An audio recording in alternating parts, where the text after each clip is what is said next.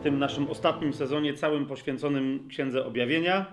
E, pomódlmy się e, na początek. Powolutku sobie idziemy, powolutku sobie rozważamy, e, wgryzamy się, przegryzamy się, trawimy to, co się dzieje w Księdze Objawienia. Także dlatego, żeby wiecie, z tej, z tej narzuconej nam przez tradycję, historie kościelne, teologie rozmaite perspektywy wyjść, że Księga Objawienia to jest, to jest, wiecie, bardziej natchnione, ale tak naprawdę proroctwo jakiejś Sybilii, wiecie, manichejskiej, no nie, czy czegoś takiego.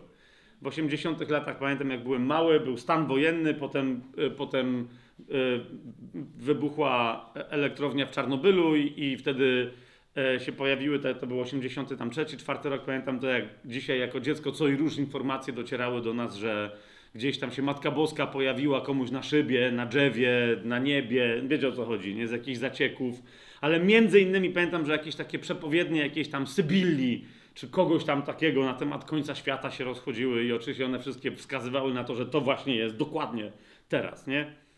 Ja mam takie wrażenie, że, e, że w dużej mierze Księgę Objawienia dokładnie tak się traktowało, a nawet nadal traktuje i, w związku z tym niektórzy są e, komicznie śmiertelnie poważni, gdy, gdy chodzi o tę księgę, no a inni e, są tak śmiertelnie poważni, e, że jej nie biorą w ogóle na poważnie, bo nie wiedzą, co, co się w niej dzieje. Jeszcze raz pamiętajcie, jak skończyliśmy ostatnie nasze spotkanie, to głównie dlatego, że wszyscy tę, co prawda, profetyczną księgę, ale traktują jako tylko i wyłącznie przepowiadającą przyszłość, ewentualnie lub nie przepowiadającą niczego, gdy tymczasem, jak każda inna księga e, w Biblii, to jest księga przede wszystkim objawiająca Jezusa Chrystusa. Natomiast ta księga, nie tak jak każda inna księga Bi- Biblii go objawia, ale objawia go w sposób e, definitywny, ostateczny, w ostateczny sposób uzupełniający, przyprowadzający nas do wszelkiego rodzaju potrzebnych nam, jako ludziom wierzącym, konkluzji. Amen? Więc sobie dlatego powolutku idziemy w tym, żeby nam się rozumienie, postrzeganie Księgi Objawienia e, zmieniło e, i, i, i, nasz profil duchowy, żeby się zmienił, kiedy, e, kiedy ją czytamy, na to, co tam mamy w pierwszej kolejności, co mamy z niej wyczytywać. I teraz, e, ze względu na to, co dzisiaj chcę powiedzieć, e, jak będziemy szli dalej w tym, w tym studium, podstawą do, do naszej modlitwy niech będzie ku zaskoczeniu wszystkich albo absolutnie żadnemu zaskoczeniu kogokolwiek, pierwszy list do Koryntian, a nie Księga Objawienia. Pierwszy list do Koryntian, rozdział drugi, rzecz jasna. Przeczytam ten fragment, na razie go nie będę komentować, no bo to jest podstawa do modlitwy. Potem on nam jeszcze może się dzisiaj, e, za chwileczkę w ogóle może się nam przydać. E, no ale na, no właśnie, na razie jako podstawa do modlitwy nie będę komentować. To jest pierwszy list e, Pawła, apostoła do Koryntian, rozdział drugi. Od dziewiątego wersetu nam wystarczy. Głosimy, jak jest napisane, to, czego ani oko nie widziało, ani ucho nie słyszało, ani nie wstąpiło to do serca człowieka. Głosimy to, co przygotował Bóg wszystkim, którzy go miłują. Nam zaś Bóg objawił to przez swojego ducha. Duch bowiem bada wszystko, nawet głębokości Boga. Bo kto z ludzi wie, co jest w człowieku, oprócz ducha ludzkiego, który w nim jest? Tak samo i tego, co jest w Bogu, nikt nie zna, oprócz ducha Boga. My zaś nie przyjęliśmy ducha świata, lecz ducha, który jest z Boga, właśnie po to, żebyśmy wiedzieli, które rzeczy są nam od Boga darowane. A o tym też mówimy nie słowami, których naucza ludzka mądrość, lecz których naucza Duch Święty, stosując do duchowych spraw to, co duchowe. Niemniej człowiek cielesny nie pojmuje tych rzeczy, które są ducha Bożego. Są bowiem dla niego głupstwem i nie może ich poznać, ponieważ rozsądza się je tylko i wyłącznie duchowo. Człowiek duchowy zaś rozsądza wszystko, ale sam przez nikogo nie jest sądzony. Ojcze, dziękujemy Ci za nasze kolejne spotkanie, e,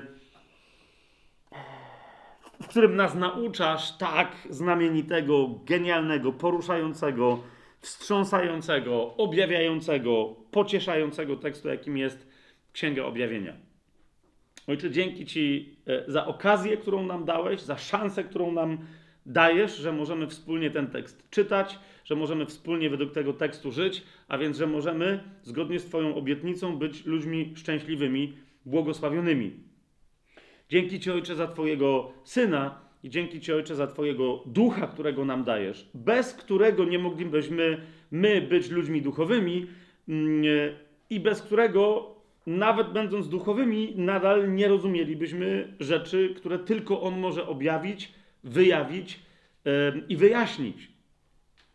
Dzisiaj bardzo potrzebujemy Twojego e, e, świętego ducha, jak zawsze, Panie, ale dzisiaj potrzebujemy go także po to, aby zrozumieć, dlaczego go potrzebujemy.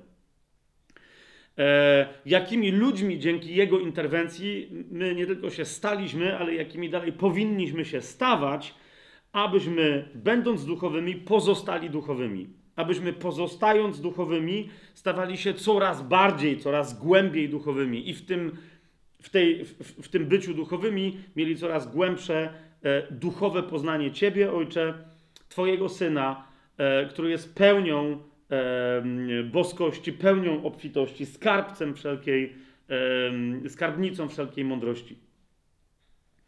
Ojcze, udzielaj nam dzisiaj swojego świętego ducha. Niech on w, w nas działa intensywnie. Niech on w nas przełamuje bariery, o których my nawet nie wiedzieliśmy, że wciąż może w nas są, dzisiaj dajemy mu nasze pozwolenie. Panie, wyznajemy Jezusa naszym Panem, naszym Królem, e, ale wciąż nie jesteśmy świadomi przestrzeni w naszych sercach, w naszych duszach, w naszych życiach, do których nie dajemy mu dostępu. Dzisiaj mówimy więc jeszcze raz, jako uczniowie Pańscy, Amen na wszystko, czegokolwiek tylko On od nas chce. I jeżeli gdzieś w nas jest blok na zrozumienie Jego woli, na wykonanie Jego woli, to dzisiaj Duchowi Świętemu mówimy przez słowa Księgi Objawienia, Duchu Święty, dotknij nas, objaw nam e, te, te blokady, które, które Tobie stawiamy, ale nawet, nawet jeżeli, a, a nawet być może ich nie objawiaj niektórym z nas, ale po prostu przełam te blokady w nas, bo my wiemy, e, że jedyny ból, jakiego możemy doświadczyć, to nie jest ból przełamania tych blokad. To jest, to jest ból, który obawiamy się, że może się pojawić, kiedy ty je będziesz łamać. Gdy tymczasem nie doświadczymy żadnego bólu, ale tylko i wyłącznie wolności jeszcze potężniejszej, łaski Twojej i pokoju. A więc działaj, Duchu Święty. Przełamuj nas wszędzie tam, gdzie jeszcze przełamania potrzebujemy. Oczyść nam, nas wszędzie tam, gdzie jeszcze tego oczyszczenia potrzebujemy. Uczyń z nas prawdziwie duchowych, oddanych barankowi e, uczniów, sługi i służebnice, którzy, którzy chodzą za nim dokądkolwiek on tylko się e, uda. Nie zastanawiając się, dlaczego tak robi, bo on wie najlepiej. Pragnący, uczyń z nas e, uczniów pragnących tylko i wyłącznie mm, czerpać radość z posłuszeństwa Jego woli. Amen. Amen, amen, amen. Kochani, dzisiaj e, kolejny y, etap naszego studium. Powiedzieliśmy sobie e, w poprzednich odcinkach, kto jest autorem e, e, Księgi Objawienia, jakie są linie interpretacyjne, wszystkie właściwe wprowadzenia zrobiliśmy. Jaka jest historia, kiedy powstał ten tekst. Dzisiaj mamy się zająć odpowiedzią na dwa proste pytania, co jest celem w zasadzie napisania tej księgi, i po drugie, jak ta księga realizuje ten cel, który ma postawiony, czyli jak wygląda jej struktura, na jakim planie ta księga rozwija e, swoją wypowiedź.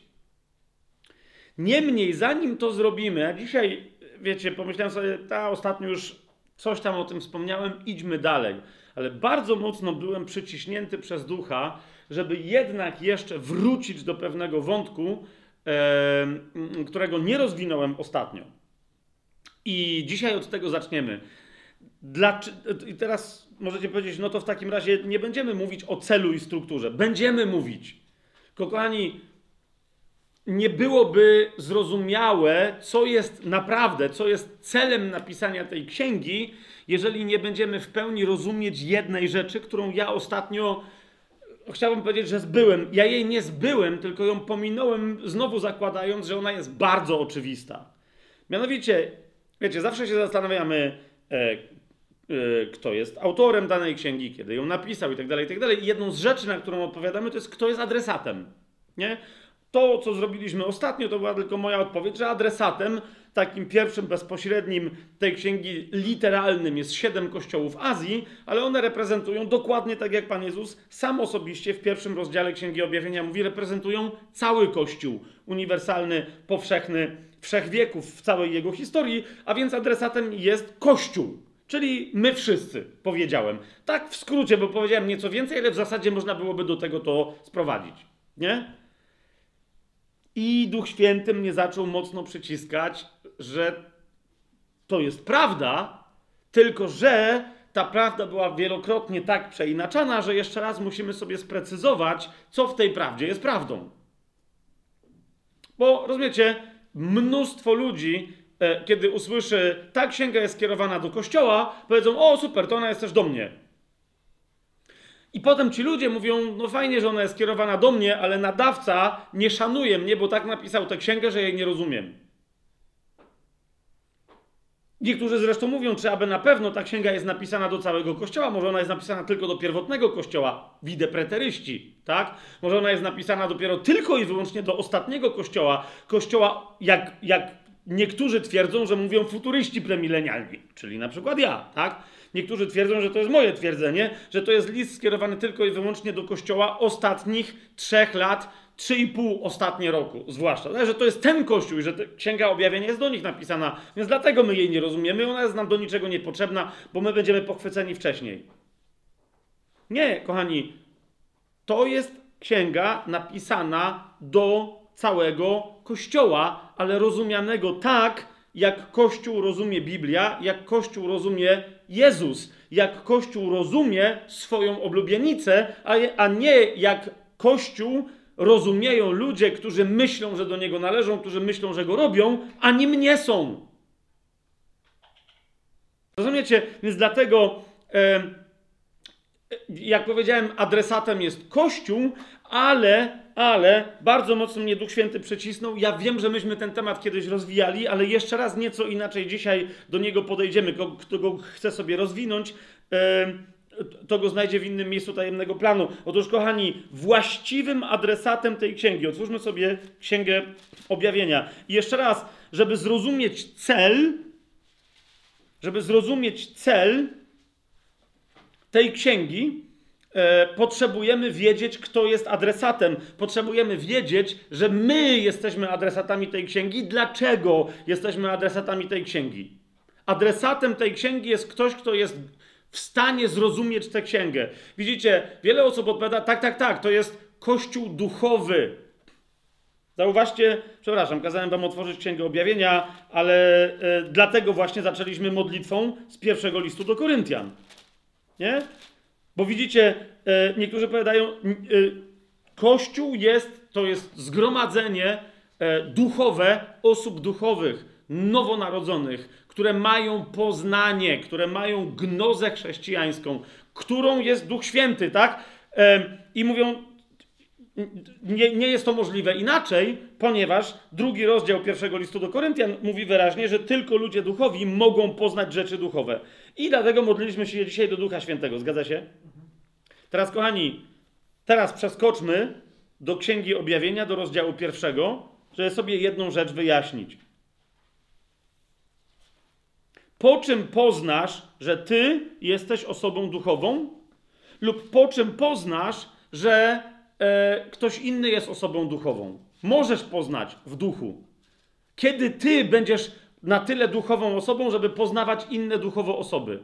I teraz widzisz, mamy dzisiaj w kościele takie nagromadzenie bredni na ten temat, że musimy, musimy, musimy upraszczać, upraszczać, upraszczać, upraszczać, upraszczać, upraszczać, upraszczać, aż wyrżniemy, rozumiecie, całą tę treść z całej brei bredni, żeby zostawić tylko właściwą e, e, treść, właściwą, prawdziwą, która się wyraża jednym słowem: dulos.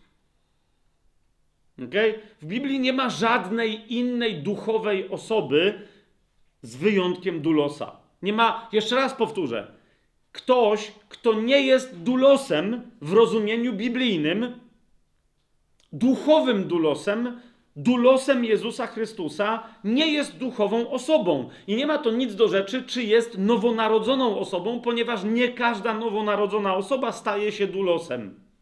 Czemu, wiecie, zawsze postuluję, żeby tłumaczyć wyrazy, a w tym wypadku posługuję się oryginalnym greckim wyrazem? To nie jest tu, ja nie chcę go wypełnić jakąś dziką treścią. Zostawiam ten wyraz e, do momentu, kiedy powstanie e, jeszcze jedno nowe tłumaczenie e, Biblii. Mam nadzieję, do którego rękę przyłożę, mniej czy bardziej. I, I, wtedy znajdziemy sobie właściwe tłumaczenie na ten wyraz, ponieważ polski wyraz niewolnik czy jeniec nie oddaje właściwie znaczenia tego wyrazu, tak? On jest w Biblii tłumaczony w odniesieniu do e, ludzi ze świata, którzy są niewolnikami innych ludzi. On jest w Biblii tłumaczony jako niewolnik. Ok? Gdy e, tymczasem ten wyraz dulos w odniesieniu e, do ludzi duchowych, którzy są dulosami Chrystusa, nie jest tłumaczony jako niewolnik Chrystusa czy niewolnicy Chrystusa, ale jako sługa. Rozumiecie o co mi chodzi? Teraz.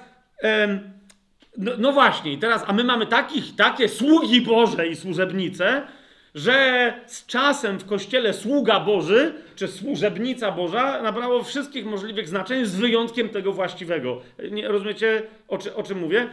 E, my zdaje się, że przy okazji wprowadzenia do listu do Rzymian mówiliśmy stricte tylko i wyłącznie o tym, bo tam Paweł się przedstawia jako dulos Jezusa Chrystusa.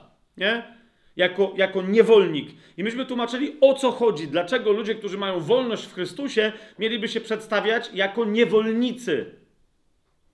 Ja wiecie, po tamtym, yy, po tamtym nauczaniu, yy, yy, no właśnie, powinienem się przygotować, w którym to dokładnie było odcinku, ale zaraz mi pomożecie, w którym to było odcinku. Tak jak ktoś, nawet jakby tutaj się teraz ta informacja nie padła, tajemny plan, strona tajemnyplan.pl, wyszukiwarka wyrazów. Ja myślę, że tam wyraz dulos powinien się znaleźć, tylko nie wiem w jakiej transliteracji.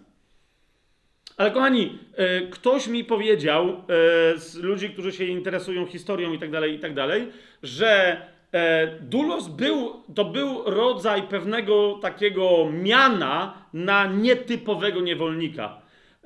Że czy w Grecji za czasów Rzymu, nie wcześniej, ale dopiero za czasów Rzymu. Czy nawet w Rzymie niewolnik, który był nazywany greckim mianem dulosa, różnił się od normalnego niewolnika? Czym?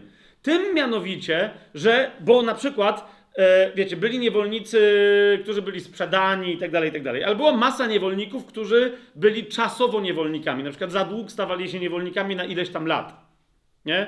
Inni, e, e, na przykład w wyniku walk gladiatorskich czy tam czegoś innego, uzyskiwali tytuł, uzyskiwali okazję do uwolnienia, mogli wziąć sobie uwolnienie i stać się ludźmi wolnymi. Ale, ale mogli, y, niektórzy wręcz byli przymuszeni, że muszą stać się wolnymi, albo jeżeli chcą dalej być niewolnikami, teraz uważajcie, że w ogóle było takie specjalne prawo, bo ktoś mógł chcieć być czyimś niewolnikiem. Obczajcie, w jakim my dzisiaj żyjemy klimacie i kulturze, że myślimy sobie, co? Tymczasem Rzym musiał to rozwiązać. Co jeżeli ktoś musi być uwolniony, na przykład będąc legionistą i tak dalej, jako, jako e, niewolnik służąc tam ze swoim panem i tak dalej, potem zyskiwał takie honorowe miano w Rzymie, że mógł być uwolniony, musiał być uwolniony przez Rzym. Ale co jeżeli on nie chciał? Najwyraźniej było mnóstwo takich przypadków i Rzym musiał wyjaśnić, co wtedy prawnie zrobić człowiekiem, który nie chce być wolny. Co, jak może ktoś nie chcieć być wolny?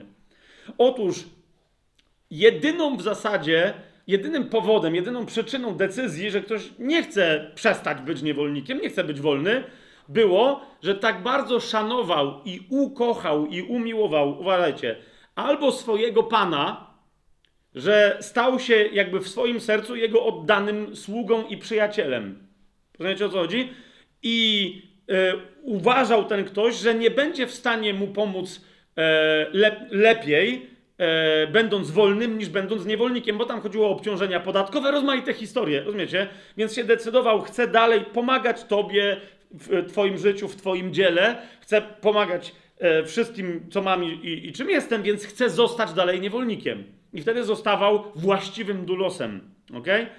Bywało, że ktoś ukochał na przykład rodzinę swojego pana, tak? Jego w ogóle nie było w domu, wiecie, taki pater familias, czy może był, ale on na przykład był guwernerem, nauczycielem jego dzieci i tak dalej. Te dzieci ukochały kogoś takiego, czy to niekoniecznie musiał być mężczyzna, tak? To mogła być kobieta.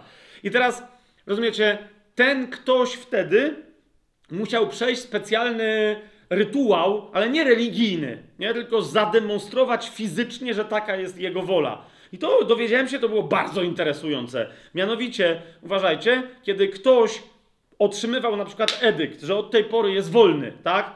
Albo że może być wolny, jeżeli tylko zdecyduje, bo wygrał coś, bo to była część właśnie służby jakiejś jego i tak dalej, i tak dalej. Wówczas podpisywał specjalny dokument, że nie, że on do końca życia z własnej, nieprzymuszonej, wolnej i dobrej woli chce zostać czyimś niewolnikiem. Na zawsze. Nie? Wtedy podpisywał ten dokument, ale dawał się przybić uchem do odrzwi domu swojego pana. Po, pomyślcie, co się tu dzieje. Nie? I to był właściwy dulos. E, brało się jego ucho, przybijało się, to jego, przybijało się tego człowieka uchem do e, drzwi. Tylko to nie takim gwoździem, żeby ktoś tam został na zawsze, tylko takim, z którego można się było ściągnąć. Gwóźdź zostawał na tych odrzwiach, dobijało się go tam na znak, rozumiecie? Że ten dulos jest związany z tym domem, jak ten gwóźdź z tymi odrzwiami. Po prostu musisz wyrwać te odrzwia, żeby nie dało się go wyciągnąć. Trzeba go było doklepać tam do końca razem z krwią tego kogoś. Natomiast ten ktoś w to miejsce, które miał przebite, głównie zwykle to było ucho, z tego co zrozumiałem, e, wkładał sobie kolczyk, który był znakiem jego związku z tym domem. Rozumiecie? Dulos Jezusa Chrystusa jest sługą księcia z rodu i domu Dawida z pokolenia Jakuba, z pokolenia Judy. Rozumiecie? O co chodzi? To jest dulos Chrystusa, to oznacza takie zaangażowanie się. To jest ktoś, kto deklaruje się swoją krwią, że przynależy do tej krwi, ponieważ tamta krew przekonała jego krew. Nie? Teraz, kochani, e, zobaczcie, co się. E, I teraz Widzisz, dulos, niewolnik Jezusa Chrystusa i tylko ktoś, kto, mo, kto żyje jak taki niewolnik Jezusa Chrystusa, sługa Jezusa Chrystusa, e, a nie, człowiek nie staje się nim automatycznie i dzisiaj Duch Święty złożył mi to brzemię na sercu, żeby się nim podzielić z wami. Ok? E, człowiek przez nowonarodzenie nie staje się sługą. Ma wszystkie, e, że tak powiem, omnipotencje, żeby nim być, ale to jest jego decyzja, to jest kwestia woli tego, kto jest nowonarodzony, aby się nim w pełni, e, aby się sługą w pełni stać. Ok? Teraz e, e, jeszcze raz wyjaśnimy sobie więc teraz, kto to jest dulos dokładnie i dlaczego tak jest, że tylko dulos jest w pełni funkcjonującą duchową osobą. Bo nowonarodzona osoba jest nowonarodzonym duch, duchowym, ale niemowlęciem. Czy to jest jasne? Może nawet dzieckiem. Natomiast dulos oznacza nowonarodzoną, duchową, w duchu dojrzałą osobę. Czy to jest jasne? I tylko taka osoba jest w stanie e, nie, e, e jeść, że tak powiem, duchowy chleb i duchowe mięso, bo duchowe dzieci e, e są stworzone na początku tylko do tego, żeby pić duchowe mleczko. Tak? Natomiast kiedy dojrzeją w duchu, wtedy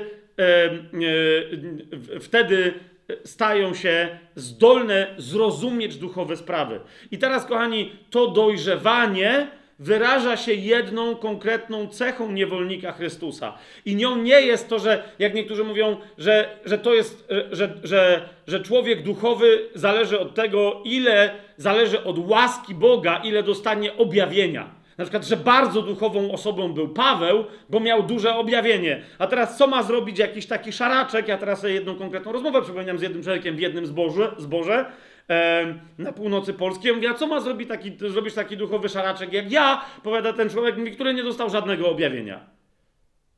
Rozumiesz?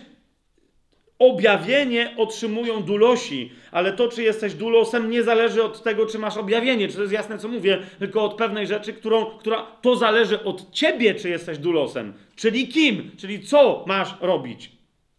Dokładnie sobie musimy to dzisiaj wyjaśnić. Ale pamiętajcie, człowiek duchowy to nie jest ten, kto, kto ma ogrom objawienia, bo wiele osób myśli, że ma ogrom objawienia, inni mają ogrom, ale fałszywego objawienia. Człowiek duchowy to nie jest ktoś, kto demonstruje jakieś prawdziwe charyzmaty, a już tym bardziej to nie jest człowiek, który demonstruje fałszywe charyzmaty, który demonstruje jakieś, rozumiecie, jakieś historie, brewerie, dziwactwa, zwłaszcza publicznie. To nie ma niczego wspólnego z duchowym człowiekiem. Duchowy człowiek zaczyna się od postawy praktycznej, realnej, elementarnie, podstawowo, prostej do sprawdzenia, kto wchodzi w postawę dulosa. I teraz żebyśmy zobaczyli, że do dulosów jest napisany ten list, to oczywiście w całości my czytamy. Zobaczcie sobie rozdział pierwszy Księgi Objawienia. Jedenasty werset. Pan mówi e, do Jana, co widzisz, napisz w księdze i poślij do siedmiu kościołów. A więc my rozumiemy, że to jest list napisany do siedmiu kościołów. Czy to jest jasne? Ale teraz uważajcie. Teraz uważajcie. Zobaczcie rozdział pierwszy, werset pierwszy. Objawienie Jezusa Chrystusa, które dał mu Bóg, aby ukazać swoim dulosom. Nie wszystkim ludziom, którzy należą do kościołów, którzy myślą, że są częścią tych kościołów. Czy to jest jasne, co ja teraz powiedziałem? Tak? Ale do tych ludzi, których Pan w tych kościołach rozpoznaje jako swoich dulosów. Pierwszym z tych dulosów, również w tym pierwszym wersecie podanym jako przykład dulosa, ok, jest kto? Jest Jan.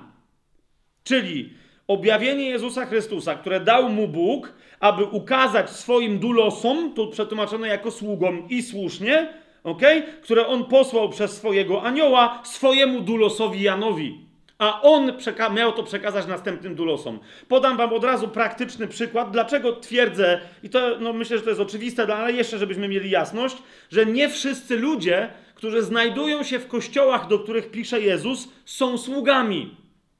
Przykład. Księga Objawienia, rozdział drugi. Pan Jezus pisze od 18 wersetu list do anioła kościoła w Tiatyrze. A więc pisze do całego kościoła w Teatyrze? Nie. Pisze do ludzi, którzy tam będą w stanie rozumieć. A kto tam będzie w stanie rozumieć? Słudzy, dulosi. Teraz jest pytanie, czy kobieta Jezabel jest jedną z dulosów? Nie, nie jest. I w dodatku Pan Jezus mówi o tym wyraźnie, przeciwstawiając ją swoim dulosom. Zobaczcie, 20 werset. Ale mam nieco przeciwko Tobie. Przeciwko komu? Przeciwko Kościołowi. Co takiego, panie? Że kobiecie Jezabel, która nazywa siebie prorokinią, zobaczcie na to, pozwalasz nauczać i zwodzić moich dulosów. Ok? A więc ona nie jest dulosem, ona jest kimś, kto się pojawił w kościele, otrzymał pozycję w kościele i funkcję prominentną w kościele. To jest ktoś, kto sam siebie na uzurpatorka, tak, która sama siebie nazwała prorokinią, potem wcale nie prorokuje, tylko naucza, ale jedyne co robi, to zwodzi ludzi, których Pan nazywa swoimi sługami w tym kościele. Czy to jest jasne? Tak? Żeby tam e, robili e, jakieś e, rzeczy. I teraz Pan Jezus mówi, że ona ma też swoje dzieci w tym kościele. 23 werset, Pan Jezus mówi, jej dzieci porażę śmiercią. To dzieci Jezabel to nie są dulosi Jezus, czy duloski Jezusa Chrystusa. Jasne? To nie są sługi, e, słudzy, liczba mnoga, tak? E, mężczyźni i kobiety Jezusa Chrystusa. A więc, owszem, list Księga Objawienia cała jest napisana do całego Kościoła, ale do całego Kościoła tak dojrzałego w duchu, żeby zrozumieć objawienie, z którym ta księga przychodzi. A ci, którzy są w stanie zrozumieć to objawienie, są nazwani dulosami, czyli sługami. Mamy jasność tutaj? Kochani, teraz kto to jest dulos? Bardzo szybko, jeszcze raz, myśmy ten temat dosłownie, kto to jest dulos, mamy bardzo szeroko rozbudowany, więc ja dzisiaj nie będę go szeroko rozbudowywać. Pewne e, wątki uproszczę, sprowadzę do jednego. Dulos to jest służący, który w swoim służeniu nie jest służący od do w jakichś godzinach, ale który jest służący całym swoim życiem i całym swoim czasem. Dulos to jest służący, który służy nie w ramach jakichś z góry wyznaczonych mu obowiązków, ale jeszcze raz powtórzę, służy we wszystkim, do czego jest wezwany, żeby służył. A zatem to jest osoba służąca całym swoim życiem, całym swoim mieniem, całą swoją wolą, która jest poddana jednej konkretnej innej osobie. Ok? Dulos więc Jezusa Chrystusa to jest człowiek, który służy Jezusowi całym swoim życiem, całym swoim czasem, całym swoim mieniem, wszystkim, kim jest i co posiada. Czy to jest jasne? To jest, to jest, yy, to jest sługa Jezusa Chrystusa. Tak? Ktoś, kto praktycznie wykonuje Jego wolę i yy, a że Jego wola zawsze oznacza, aby służyć innym, bo pamiętacie wszystkie nauczania z tajemnego planu, gdzie sam Pan Jezus mówi e, mm, i wszyscy inni, którzy w Jego imieniu nauczają, że jeżeli ktoś mówi, e, że służy Bogu, że Go kocha, a nie służy i nie kocha braciom i siostrom, no to niech nie bredzi, bo skoro nie widać tego wobec ludzi, których widać, to jak może twierdzić, że ma to coś wobec Boga, którego nie widać? Jasność? Tak? Więc, kochani, my możemy, i teraz Biblia mówi wyraźnie, bo niektórzy mówią, no ale ktoś, kto jest nowonarodzony, już nie może, nie może już, wszystko może. Bo jest tym bardziej wolny do tego, żeby móc wybierać w absolutnie dziadowski sposób. To, że nie zostanie ukarany piekłem, to jest jedna rzecz, ale to, że może wciąż żyć życiem dosyć nędznym, e, a w każdym razie miernym, biednym i pożałowania godnym, to jest rzecz jasna, oczywista. Wystarczy przeczytać list do kościoła w Laodycei. Tak? Ale kochani, e, gdzie Biblia nam mówi, jeszcze raz, tych definicji jest więcej, ale takich, które nam uświadamiają, kto to jest dulos. Że to jest sługa, niewolnik, który oddaje się swoją wolę dobrowolnie komuś lub czemuś innemu. Zacznijmy od listu do Rzymian i bardzo szybko się temu przyjrzyjmy. W liście do Rzymian Paweł e, w szóstym rozdziale pisze następującą rzecz. To jest list do Rzymian, szósty rozdział, od szesnastego wersetu. Czy nie wiecie, że komu oddajecie siebie jako dulosi w posłuszeństwo, a więc komu jesteście posłuszni, tego jesteście dulosami? Czy to jest jasne? Paweł się pyta wyraźnie, on mówi, i on to pisze do ludzi wierzących, tak? Ale najpierw im przypomina definicję dulosa. Kto to jest dulos? Dulos to jest ktoś, kto ma wolność i kto w swojej wolności rezygnuje z tej wolności, aby pełnić wolę kogoś innego lub czegoś innego. Czy to jest jasne? A więc nie może zrzucić wtedy odpowiedzialności, że ale ja nie robiłem tego, co ja chciałem, bo ja robiłem tego, do czego ktoś mnie zmusił. On mówi, jako duchowa osoba, jeżeli popełniasz grzech, to dlatego, że najpierw oryginalnie ty oddałeś swoją wolę grzechowi. Ok? A więc bądź w pełni duchową osobą i weź odpowiedzialność pełną za swoje czyny, będąc posłusznym sprawiedliwości, a sprawiedliwość reprezentuje ten, kto nam ją dał, czyli Syn Sprawiedliwości, czyli Jezus Chrystus, który jest sprawiedliwością Bożą samą w sobie. Amen? Więc zobaczcie, co tam jest napisane. Czy nie wiecie, że komu oddajecie siebie jako dulosi w posłuszeństwo, a więc komu jesteście posłuszni, tego jesteście dulosami, czyli sługami. Bądź grzechu ku śmierci, bądź posłuszeństwa ku sprawiedliwości. Ale chwała Bogu, że gdy byliście dulosami grzechu, usłuchaliście z serca wzoru tej nauki, której się poddaliście, a będąc uwolnieni od grzechu, staliście się sługami sprawiedliwości. I teraz zobaczcie, dziewiętnasty werset Paweł mówi: Po ludzku mówię z powodu słabości waszego ciała. Jak bowiem oddawaliście wasze członki na służbę nieczystości i nieprawości, to oznacza konkretne, nie żadne duchowe poznanie, ale fizyczne zaangażowanie czyny wykonane w ciele, które były grzeszne. Jasne? Jak kiedyś cieleśnie grzeszyliście, tak teraz mówi, yy, jak bowiem oddawaliście wasze członki na służbę nieczystości i nieprawości, aby czynić nieprawość, tak teraz oddawajcie wasze członki na służbę sprawiedliwości, abyście byli uświęceni. Rozumiecie o co chodzi? Dulos to jest ktoś, kto się poddaje Jezusowi Chrystusowi nie po to w pierwszej kolejności, żeby mieć objawienia, żeby mieć doznania e, pseudoduchowe, emocjonalno-fizyczne. Rozumiecie o co chodzi? Miałem poznanie, bo co się stało? Była taka obecność Boża na nabożeństwie, że po prostu wszyscy żeśmy leżeli. I? No i człowieku, leżałeś kiedyś? Ale pytanie brzmi, ale potem was ten duch podniósł i nie wiem, zebraliście 100 tysięcy i rozdaliście ubogim, czy zebraliście 100 tysięcy i daliście temu, kto się wtedy za was modlił o tego Ducha Świętego, któremu te 100 tysięcy było do niczego niepotrzebne. Wtedy jest pytanie, czy to był Duch Święty, co tam się stało, kto komu, kto komu usłużył i tak dalej, i tak.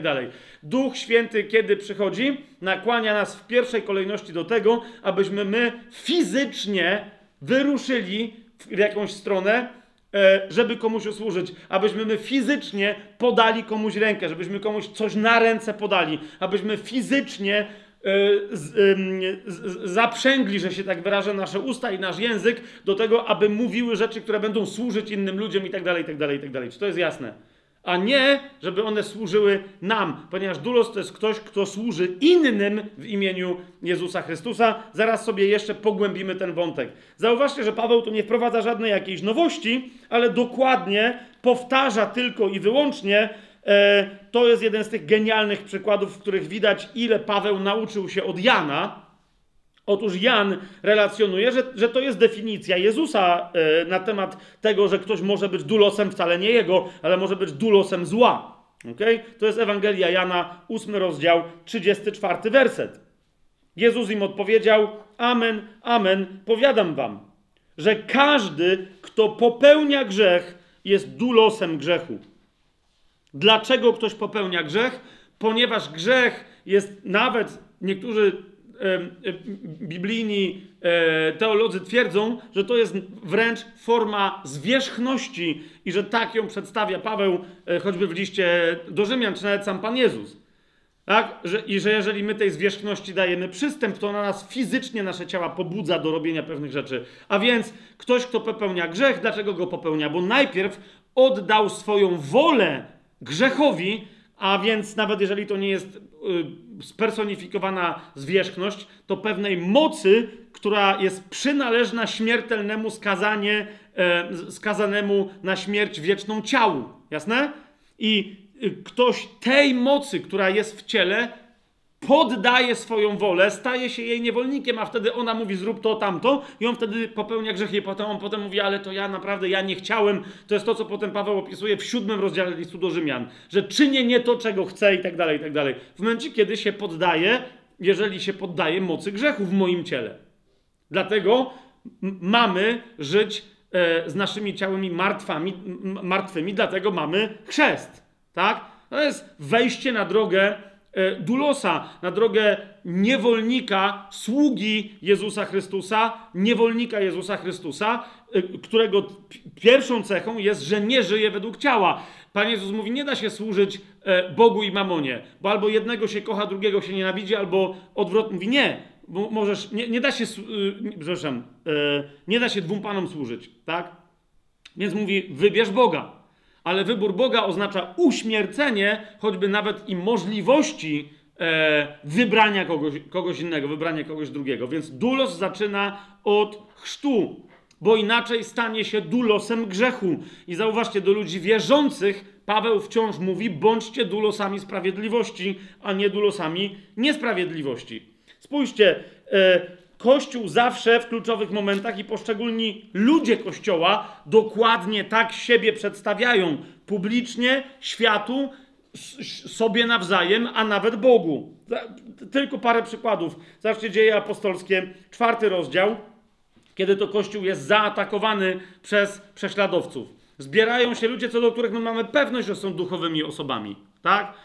E, którzy już przyjęli razy, którzy już przyjęli prześladowanie, które na nich zaczyna spadać, oni e, jedyne o co się troszczą, to aby w tym wszystkim nie stracili odwagi, bo chcą dalej służyć i jako tacy się przedstawiają publicznie Kościołowi, a Kościół jako taki przedstawia się Panu. Zobaczcie, czwarty rozdział, 29 werset. Tak się modli cały Kościół. E, e, do Boga. A teraz, Panie, spójrz na ich groźby i daj Twoim sługom z całą odwagą głosić Twoje słowo.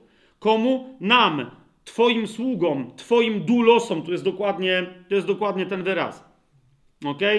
Twoim sługom, Twoim niewolnikom głosić z odwagą Twoje słowo. Nic innego nie jest e, istotne. Zobaczcie, w 16 e, rozdziale dziejów apostolskich, e, tam gdzie opętana przez wiecha, e, prze, przez wiecha, e, hmm, przez ducha e, wróżebnego, wieszczego, dziewczyna chodziła za Pawłem, próbując wymusić tam, czy nie wiem, czy wymusić, no w każdym razie chodziła za Pawłem em, i za innymi jego towarzyszami, krzycząc i przeszkadzając w ich służbie, co ona tam za nimi krzyczała. Zobaczcie 16 rozdział, 17 werset. Chodząc za Pawłem i za nami, pisze Łukasz, wołała: Ci ludzie są sługami Boga Najwyższego i zwiastują nam drogę zbawienia.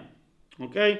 Oni są dulosami Boga Najwyższego, zwiastują nam drogę zbawienia. Oczywiście niektórzy teolodzy mówią, y, to jest pytanie, czy ona tego nie, czy to nie robił przez nią złośliwie duch, e, który niby obwieszczał prawdę, że oni są od Boga i że zwiastują drogę zbawienia, ale to jest taki Bóg, że żeby głosić prawdę, trzeba być niewolnikiem. Nie wiem, czy rozumiecie. Ale chcący czy niechcący, jak on chciał ten wyraz zabarwić czy nie, e, jaką miał intencję, nie zmienia to faktu, że akurat to jest prawda, że oni sami siebie też by przedstawili jako dulosi, może by inaczej nieco zdefiniowali, kim są jaką mają albo jakiej nie mają e, wolności czy niewoli w Chrystusie. Jasne? Zobaczmy list do Rzymian, ten, na który już się powoływałem, e, rozdział pierwszy, werset pierwszy. Paweł e, w pierwszym swoim liście Duch Święty tak to ustawił e, chronologicznie e, w piśmie, przedstawia się jako kto? Jako dulos Jezusa Chrystusa. W pierwszej kolejności Paweł, sługa Jezusa Chrystusa i dopiero w drugiej kolejności powołany apostoł, odłożony, odłączony do głoszenia e, Ewangelii. Tak? Otwórzmy sobie drugi list do Koryntian, zanim pójdziemy do przykładów innych. Paweł mówi o wszystkich w kościele, którzy się oddają kompletnie służbie, że będąc sługami Jezusa Chrystusa, stają się. Jakby skąd można wiedzieć, że ktoś jest. Każdy może powiedzieć: Jestem sługą Jezusa Chrystusa. Proszę mnie przyjąć. Proszę mnie uhonorować, gdyż jestem sługą Jezusa Chrystusa, wybitniejszym niż wy. Nie? Paweł od razu z góry nam definiuje, po czym się poznaje sługę w kościele. Zobaczcie, drugi list do Koryntian, czwarty rozdział, piąty werset. Paweł ten temat wyjaśnia, mówiąc: Nie głosimy bowiem samych siebie, ale Chrystusa Jezusa, że On jest Panem, a samych siebie, uważajcie na to, że jesteśmy waszymi dulosami dla Jezusa. Czy to rozumiecie? Zauważcie, co się dzisiaj dzieje w kościele, e, jak się pojawiają wielcy tego kościoła. Okay? Wielki mąż Boży się pojawia, wielka mężyna, celebryci. Rozumiecie? Ktoś mówi, że o, to jest prawdziwy sługa Boży. Dlaczego? No bo jeździ po świecie i usługuje wszędzie całemu kościołowi. Ale rozumiesz, ale świat, kiedy patrzy na to z boku, często mówi, okej, okay, u nas to się nazywa celebryta. U nas to się nazywa gwiazdor. Zresztą rozmawiałem z jedną siostrą, która genialnie to podsumowała właśnie, jak ona została przedstawiona, że oto pokorna sługa, bo Amerykanka z Teksasu, nie? I ona publicznie, potem jeszcze z nią o tym więcej żeśmy rozmawiali, ale ona publicznie to powiedziała, mówi, oto ja, pokorna służebnica pańska, mówi, e, przyjechałam wam bardzo pokornie służyć. Bardzo wam dziękuję, że w ramach tej mojej służby zapłaciliście mi za biznes klasę, którą przyleciałam, że mam pięciogwiazdkowy hotel, że moja służba polega na tym, że gadam do was teraz przez 4,5 godziny, a potem sobie mieszkam w tym pięciogwiazdkowym hotelu, jem bardzo dobre jedzenie, zapłacicie mi za biznes klasę, ale nawet jakby to była ekonomiczna, wrócę do domu i jeszcze zbierzecie kolektę, w ramach której przywiozę konkretne pieniądze do domu. Także mówię, żyć nie umierać, pokorna służebnica pańska. Z sarkazmem się odniosła właśnie do, rozumiecie, do tej potem zaczęła tłumaczyć, co, mówi, naprawdę? Naprawdę nie rozumiecie, kto to jest sługa?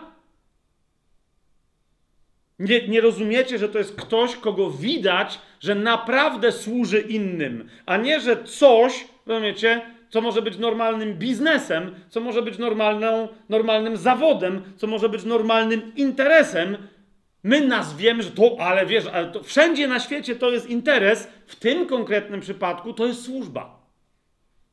To jest służba.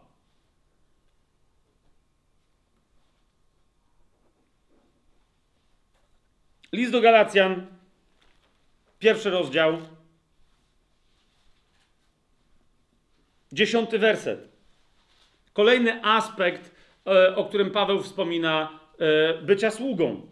Pisze, czy teraz chcę pozyskać ludzi, czy Boga? Tym, co robię, tym, co teraz piszę i tak dalej, i tak dalej. Albo czy staram się przypodobać ludziom? Teraz zwróćcie uwagę, gdybym nadal ludziom chciał się przypodobywać, nie byłbym dulosem Chrystusa. Kolejna rzecz.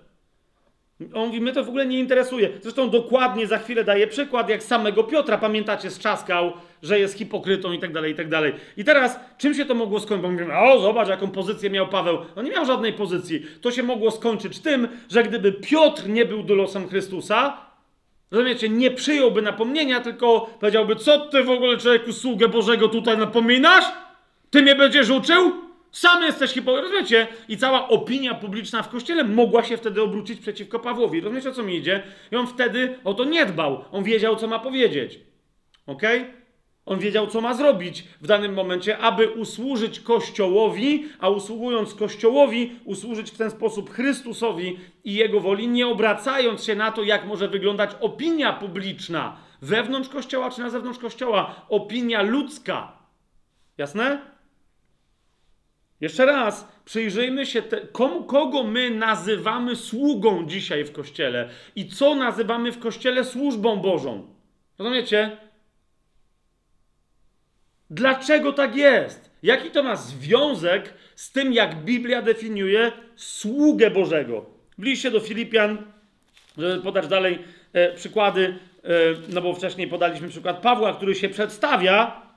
E, jako sługa Jezusa Chrystusa. W liście do Filipian w pierwszym rozdziale, w pierwszym wersecie czytamy Paweł i Tymoteusz, słudzy Jezusa Chrystusa do wszystkich świętych, tak? Dulosi Jezusa Chrystusa. Paweł i Tymoteusz. W liście yy, Jakuba w pierwszym rozdziale, w pierwszym wersecie, znowu co czytamy? Jakub, sługa Boga i Pana Jezusa Chrystusa. Dulos Boga i Pana Jezusa Chrystusa. My już jesteśmy po studium e, listu Jakuba, no to wiemy, kim był Jakub, więc też rozumiemy, dlaczego on celowo wprowadza to rozróżnienie, żeby było jasne, komu jest posłuszny. Bogu i Jezusowi, którego rozpoznaje nie mm, podle E, i wedle swojej krwi, ale, ale według namaszczenia i pochodzenia Bożego. Amen?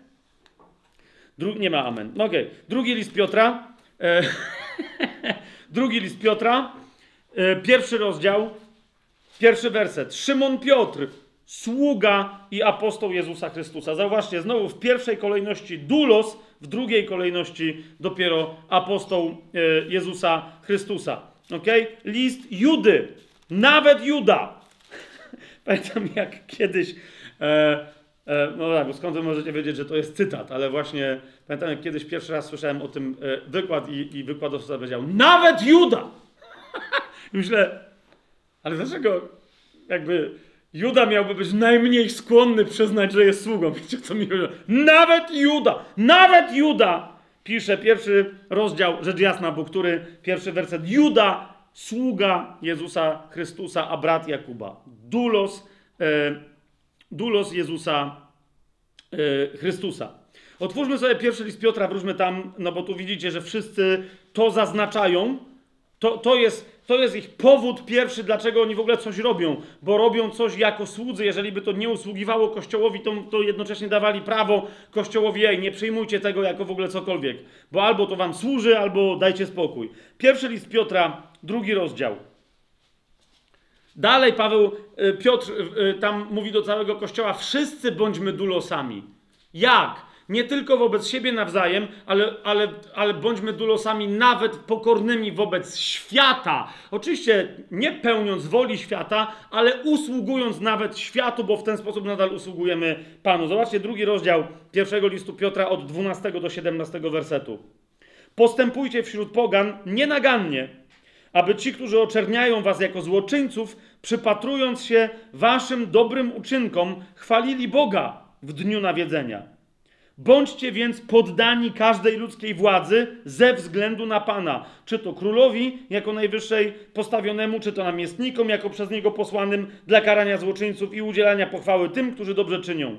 Taka bowiem jest wola Boga, abyście dobrze czyniąc zamknęli usta niewiedzy ludzi głupich, jak ludzie wolni, ale nie jak ci, którzy używają wolności jako zasłony do zła, lecz jako dulosi Boga. Rozumiecie? Bądźcie posłuszni królowi, ale ze względu na Pana. Jak król zaczyna robić rzeczy, władca, rząd zaczyna robić rzeczy wprost niezgodne z wolą Pana, to wtedy to nas nie zobowiązuje do żadnego takiego posłuszeństwa. Mamy postępować wszędzie jak ludzie wolni, ale niektórzy, zwróćcie uwagę, używają wolności jako zasłony dla, dla zła. Czemu to robisz? No jestem wolny. Paweł wyraźnie pisze do Koryntian: Jestem wolny, ale nie wszystko przynosi mi korzyść. Wszystko mi wolno, ale nie wszystko przynosi mi korzyść. Wszystko mi wolno, ale ja niczemu nie oddam się w niewolę. Tak? Więc, więc czasem ludzie mówią, jestem wolny tylko po to, żeby usprawiedliwić to, że już są niewolnikami. E? Zauważcie, większość najbardziej uzależnionych, naprawdę nie będących sobie w danym momencie w stanie poradzić ze swoim nałogiem, na przykład narkomanów, który, y, których pamiętam, z którymi rozmawiałem, czy nawet z którymi teraz rozmawiam, czy alkoholików, w momencie, kiedy są w, w, jeszcze na tym etapie takiego wyparcia, oni mówią, że oni czpają, bo chcą. Jakby chcieli, to w każdej chwili mogą przestać. Mhm. No to przestań, ale ja nie chcę. To jest moja absolutna wolność. To jest moja praktyka mojej wolności. I niektórzy też tak w chrześcijaństwie nawet robią. 17 werset. Wszystkich szanujcie, braci miłujcie, Boga się bójcie, króla czcijcie. Ale to jest, to jest to. I teraz, kochani, a więc sługa to jest ktoś, kto służy. Ok? Sługa to jest ktoś, kto służy. Ostatnio z moją żoną się dzieliłem, ja teraz nie pamiętam, gdzie to w ogóle. Coś czytałem i, no i najlepsze jest raz, że sam nie pamiętam, co to było.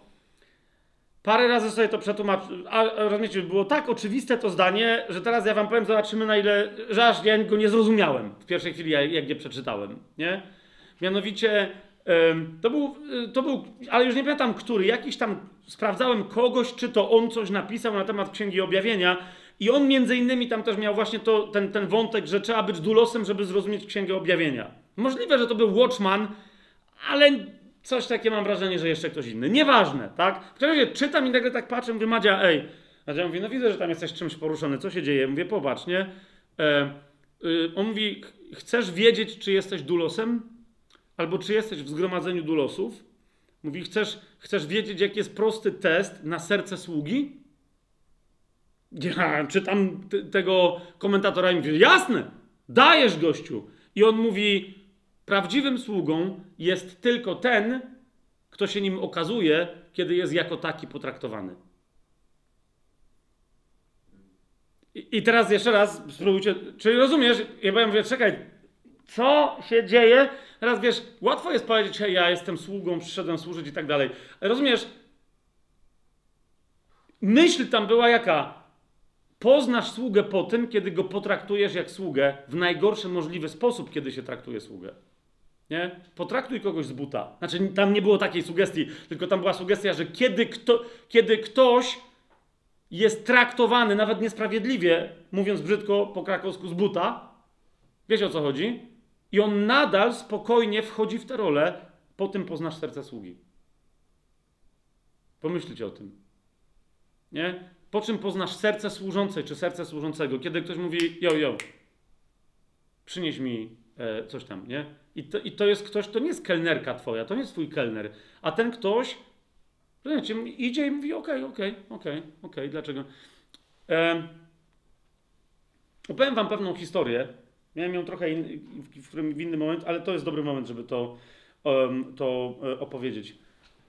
E, ponieważ nie znam osobiście lepszej historii która by pewne rzeczy obrazowała.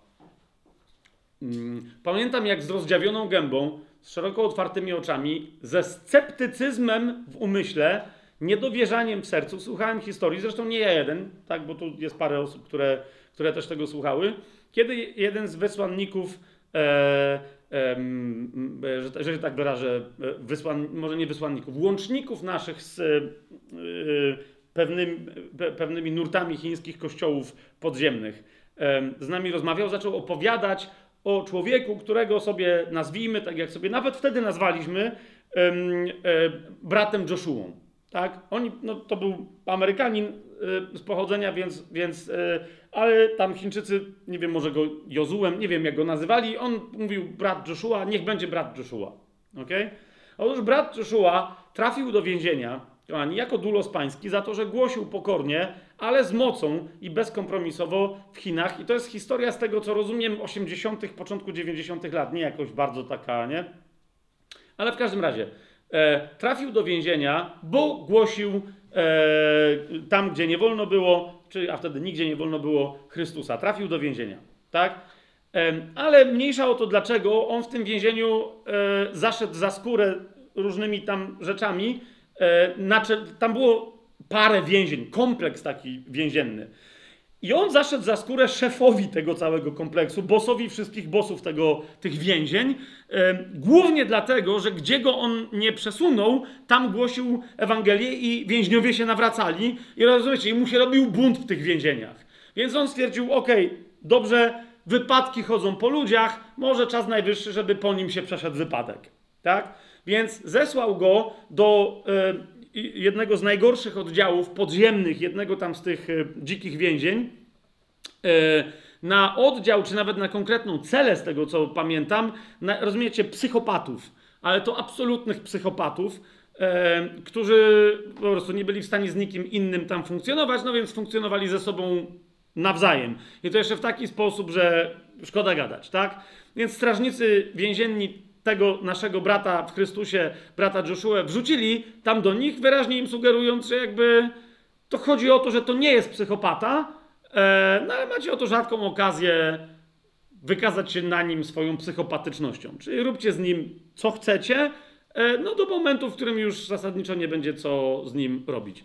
I on był tam maltretowany na różne, na różne sposoby, e, był bity, tam, no, rozmaite tam historie i zasadniczo on te historie pamięta tylko do momentu, w którym stracił przytomność. Nie pamiętam teraz dokładnie, co się stało. Czy jemu ktoś skoczył na głowę, czy co. Jak, rozumiecie, to był jakiś taki odlot e, ostatecznie któregoś tam z tych, e, z tych wariatów.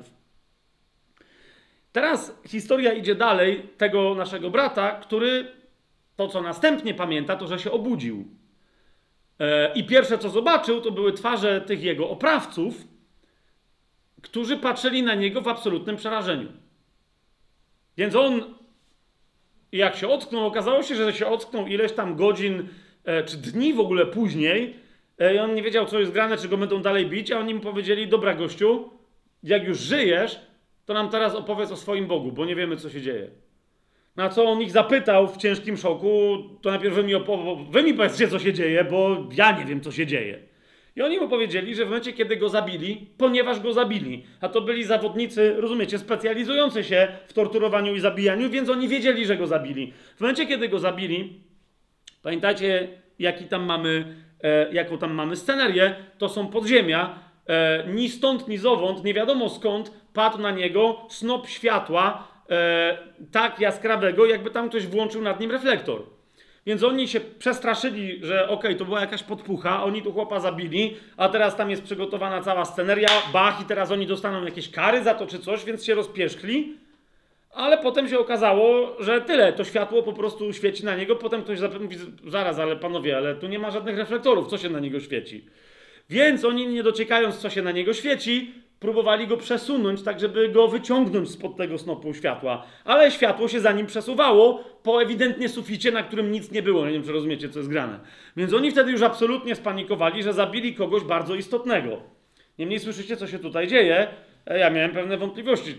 Co ja patrzę, co ja słucham teraz, nie? Ale słucham cierpliwie, okej, okej, zaraz poproszę o dowody. No ale taka była hi- historia. Oni powiedzieli, gościu, ciągaliśmy twoje zwłoki, em, śmierdzące, bo oni tam na niego oddawali, wiecie, kał, sikali, tam różne, tam się różne dziwne rzeczy działy, bo teraz byli spanikowani, że światło chłopa oświetla i oni, wiecie, e, zrobili panikę na całym tamtym, nie tylko w swojej celi, bo tam, tam było wiele innych cel, i wreszcie złożyli te jego zwłoki, to jego ciało na jednej, jedynej pryczy, jaka się znajdowała, na, bo tam nikt nie miał w ogóle na czym spać. Oni spali na betonie gdzieś tam, nie? Więc boss wszystkich bossów tego tam półświadka nędznego oddał swoje łóżko, mówi, kurczę, co się tu dzieje? Nie? Jakieś światło pada. No i jak go położyli na tym łóżku, to on po jakimś czasie się obudził. Więc tym bardziej oni wiedząc, że go zabili, stwierdzili, okej, więc teraz przepraszamy najmocniej, jakby my bardzo chętnie oddamy cześć Twojemu Bogu, bo to jakby widać, że to się nie da. I on im, to, rozumiecie, on im głosił Ewangelię, wszyscy się oczywiście nawrócili. Nie? Teraz e, historia e, powinna więc pójść dalej i pewnie by tak poszła, żeby go rozstrzelali, gdyby nie fakt, że boss wszystkich bossów, więzienia, wysoko postawiony komunista, aparatczyk, e, e, miał bardzo ważnego więźnia, który był potrzebny władzom komunistycznym do czegoś, ale też go gdzieś tam e, wrzucił w niebezpieczne miejsce w którymś z tych swoich więzień i tam zginął. Nie wiadomo, czy ktoś mu coś zrobił, czy on, nie wiem, coś sobie zrobił, w każdym razie umarł.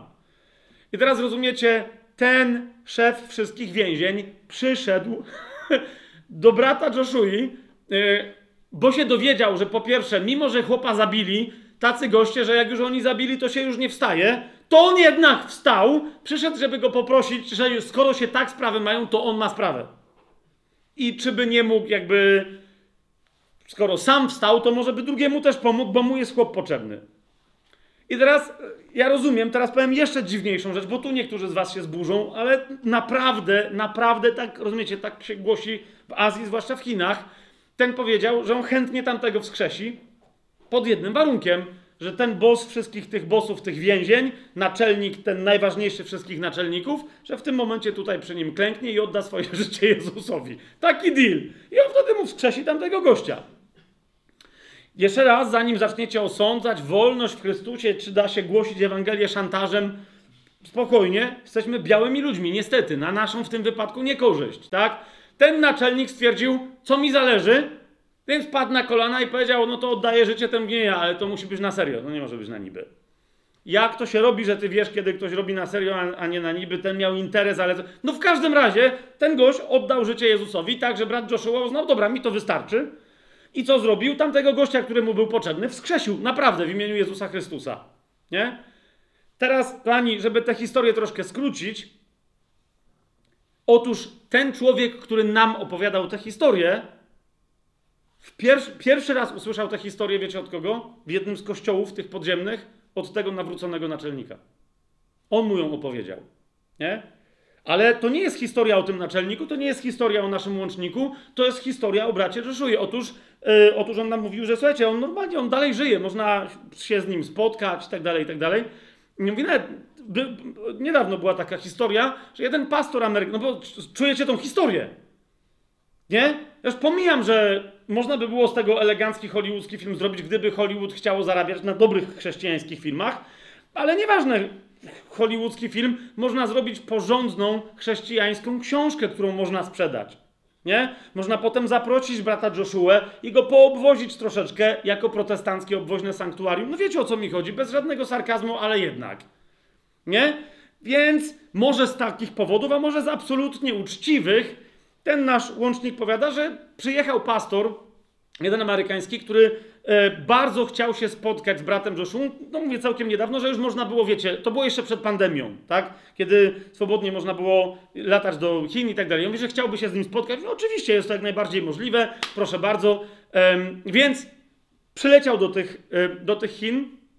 Tam, wiecie, jak to w Chinach ten, wiecie, przyjechał, biali błogosławią żółtych, no te wszystkie historie, tak? Dwóch tam gości przyjechało, żeby go zabrać do hotelu, zabrali go do hotelu, e, y, a on był bardzo zniecierpliwiony i jak oni go już tam, wiecie, przywieźli, e, bracia, tak? E, którzy go mieli odebrać, przyszli do, tam do tego hotelu i potem pojawił się jeszcze tam jakiś poważny pastor, który w ogóle umiał mówić po angielsku, nie? I ten mu mówi, no dobrze, mówi, ale ten pastor amerykański mówi mu, no to dobrze, że ktoś jest, mówi, fajnie, tu, mówi, ale po co mi hotel, po co mi to wszystko? Mówi, bracie, ja się chcę spotkać z bratem Joshuą. A ten pastor mu mówi, no to przecież się widzieliście. I mówi, Gdzie się widzieliśmy? Mówi, no jeden z tych dwóch gości, co ci, wiesz, niósł te walizki, co nie umiał mówić. To jest on. On, on, on wiedział, że ty przyjechałeś, to wiesz, to... I mówi, no to jak to, gość się nie przedstawił? No, się nie pytałeś, to się co miał przedstawiać, no nie? Dulos. Wiecie, co mówię? Dulos. Ja nawet nie pamiętam, czy potem ten pastor w ogóle gadał z bratem Joshuą, ponieważ całą lekcję, jaką miał tam odebrać, już odebrał.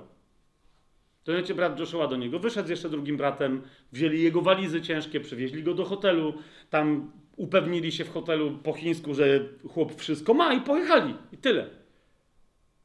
Wiecie, ty, ty, tyle masz z wielkiego sługi Bożego brata Joshua. Kapujesz?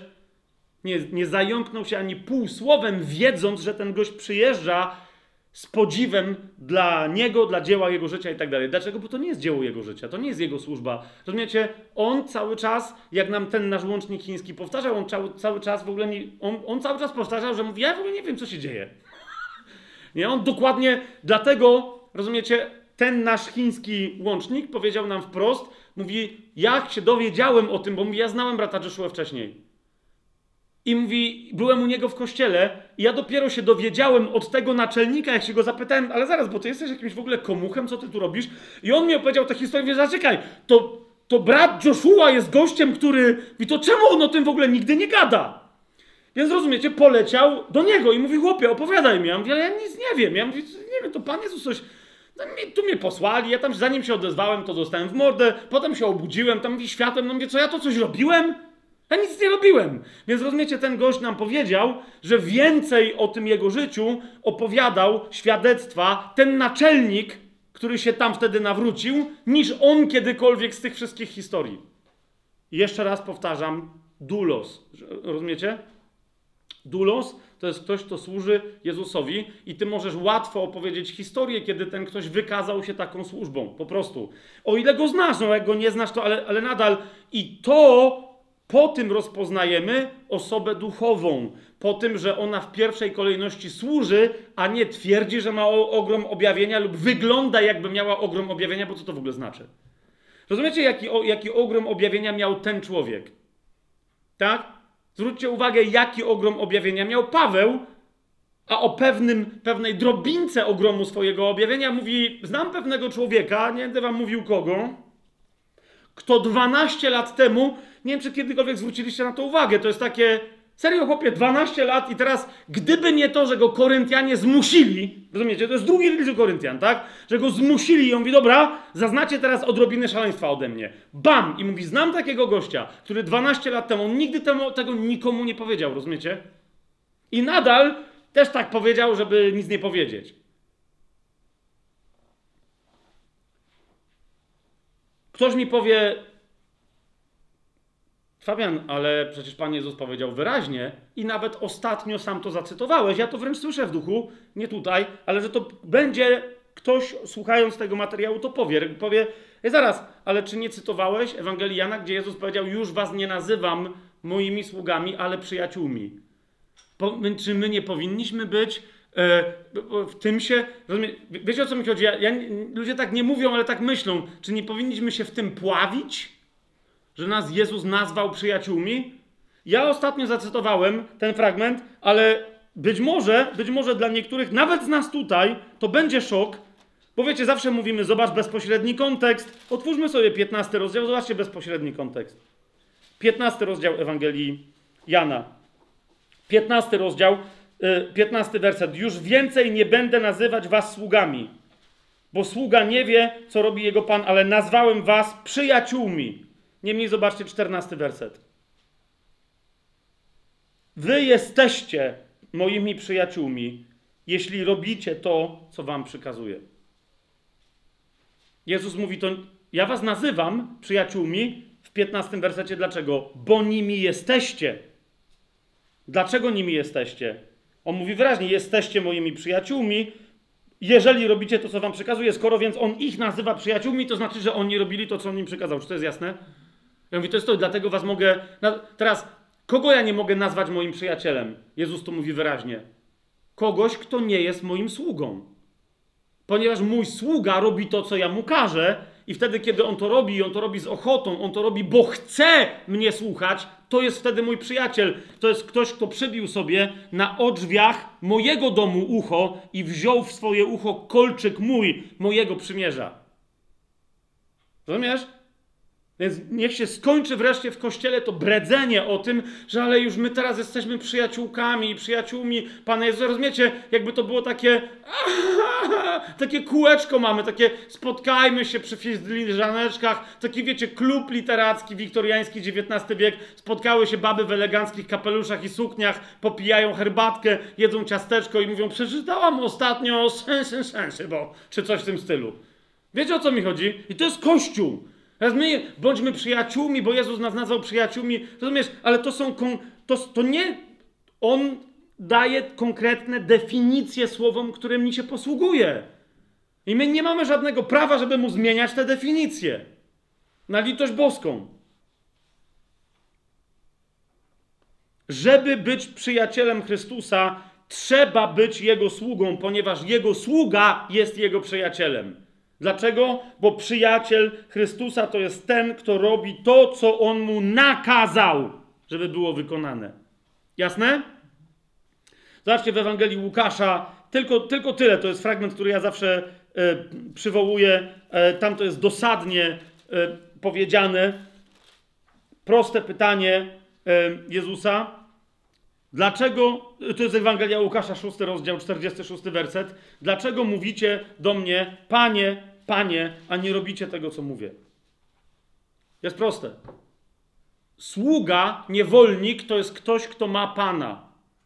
Rozumiecie? Jak ja mówię, że Jezus jest moim panem, to znaczy, że ja jestem jego niewolnikiem. To nie jest jakieś zwy, zwyczajowe określenie, że Andrzej Duda jest prezydentem polskim, a więc poniekąd jest moim prezydentem. W tym wypadku, jakby ja nawet nie wiem, co by to miało znaczyć, ale jakby nie zamierzam też, wiecie, gadać cokolwiek. Ktokolwiek by nie był prezydentem prawnie wybranym w tym kraju. No jest, to jest. Ja jestem Polakiem, to to jest mój prezydent. Jakby rozumiecie, to nie jest mój prezydent, ale to jest mój prezydent. Jako Polaka, to jest jasne? Ale niektórzy, mam wrażenie, w ten sposób mówią, a, że mówią, no Andrzej Duda jest moim prezydentem, w sensie ogólnie polskim, a Jezus jest moim Panem. No w sensie ogólnie chrześcijańskim, a że ja jestem chrześcijaninem, to ogólnie Jezus jest moim... Rozumiesz, co się dzieje? Nie. Jeżeli wyznajesz Jezusa swoim Panem, to ty wyznajesz siebie Jego niewolnikiem. Jeżeli nim nie jesteś, to znaczy, że go nie wyznajesz swoim Panem. To jest proste. To, co wyznajesz ustami, jeżeli potem nie dzieje się w Twoim życiu, świadczy przeciwko temu, co wyznałaś, czy co wyznałeś ustami. Łukasz 6,46. Dlaczego więc mówicie do mnie, Panie, Panie, a nie robicie tego, co mówię? I zauważcie dalej, że w tym kontekście Jezus mówi, e, że ktoś, kto go słucha, nawet, albo twierdzi, że go słucha, ale nawet, tak, ktoś, kto go słucha, ale nie robi tego, co słyszy, że ma zrobić. Zobaczcie, do czego jest przyrównany. Pokażę wam, do kogo jest podobny. Każdy, kto przychodzi do mnie, słucha moich słów i wypełnia je. Podobny jest do człowieka budującego dom, który zrobił głęboki wykop i założył fundament na skalę. A gdy przyszła powódź, rzeka uderzyła w ten dom, ale nie mogła go poruszyć, bo był założony na skalę. Widzicie to? A teraz popatrzcie, jak niektórzy mówią, e, jak nie znasz Biblii, to, budu, to nie budujesz na piasku, to budujesz na piasku. Nie, zauważcie, co jest dalej napisane. Ten zaś, kto słucha, a więc kto zna Biblię, ale nie wypełnia tego, co słucha, podobny jest do człowieka, który zbudował swój dom na ziemi bez fundamentu. Uderzyła w niego rzeka i natychmiast się zawalił, a upadek tego domu był wielki. Ile się nasłuchałem w swoim życiu w kościele katolickim, potem po różnych kościołach protestanckich również opowieści, że nie zbudował na skalę ten, kto nie jest w kościele. No, no, nie, no, tu widzę, że wszyscy wiedzą, o czym ja mówię, prawie wszyscy. No bo tu mamy też na szczęście siostry, które nie są skażone chodzeniem do, do takich dziadowskich kościołów. Ale rozumiecie, to jest to. Jest to. Tymczasem ci, o których Pan Jezus tu mówi, to są ludzie, którzy znają Słowo Boże, którzy, zauważcie od czego, jaki jest kontekst, którzy mówią do Niego, Panie, Panie, ale nie robią tego, co On mówi. Słuchają, ale nie są posłuszni temu, co usłyszeli. Ok? A zatem objawienie objawia dulosom. Dulosi to są ci, którzy w duchu zdecydowali się służyć i służą, a teraz fizycznie mając tę postawę, emocjonalnie mając tę postawę, intelektualnie mając tę postawę, materialnie mając tę postawę w swoim życiu, otrzymują objawienie. Rozumiesz? Jak ktoś mi mówi, ile, ostatnio nawet miałem taką rozmowę, Fabian, ile to się trzeba modlić, żeby, wiesz, jakby otworzyć, stanąć przed y, tronem Bożym i jakby otrzymać objawienie. I ja mówię, czekaj, ale to jest w ogóle, rozumiesz, że to w ogóle co się dzieje? To jest pytanie, ile potrzebujesz modlitwy, czy jakiej potrzebujesz modlitwy, żeby twoje serce zapragnęło służyć. A w momencie, kiedy to się zaczyna, objawienie przychodzi, rozumiesz? Bo to nie jest tak, że ty musisz znowu wyprosić u Boga objawienie. Rozumiecie o co mi chodzi? Problem polega na tym, że człowiek duchowy jest zablokowany na objawienie. Kiedy? Kiedy jest niedojrzały w duchu. A kiedy jest niedojrzały w duchu? Kiedy bardziej myśli o sobie niż o innych. Po prostu. Wtedy jest dzieckiem. Kiedy, wtedy, a wtedy dbając o swój interes, jest kłótliwy i tak dalej. I, I wtedy Paweł pisze, kłócicie się, bo jesteście dzieciakami duchowymi. Przestańcie. Zacznijcie sobie służyć, to się przestaniecie kłócić. Proste. Przed, przedkładajcie raczej interes czyjś nad swój interes. Wszystko będzie dobrze. Wszystko absolutnie, absolutnie będzie dobrze. Więc objawienie, zwróćcie uwagę, jest dla dulosów. I teraz wracamy tam, jeszcze troszeczkę ten temat pociągniemy, bo on jest tak niezwykle istotny. Czemu w pierwszej kolejności może być niezrozumiana Księga Objawienia przez ciebie, kiedy w niej szukasz pseudognozy? Wiesz o co chodzi? Chodzisz do jakiegoś kościoła, dajesz jakąś tam składkę, rozumiesz, ale nie ma w twoim życiu postawy służby. Zresztą wtedy jest pytanie, co to za kościół? Kościół równa się diakonia według e, listu do Efezjan, czyli służba, tak? Nie czyjaś, ale wszyscy, którzy są zaangażowani w służbę, są kościołem, a nie ci, którzy chodzą do kościoła, aby pozwolić komuś e, na to, żeby się cieszył, że on ma służbę. No po prostu.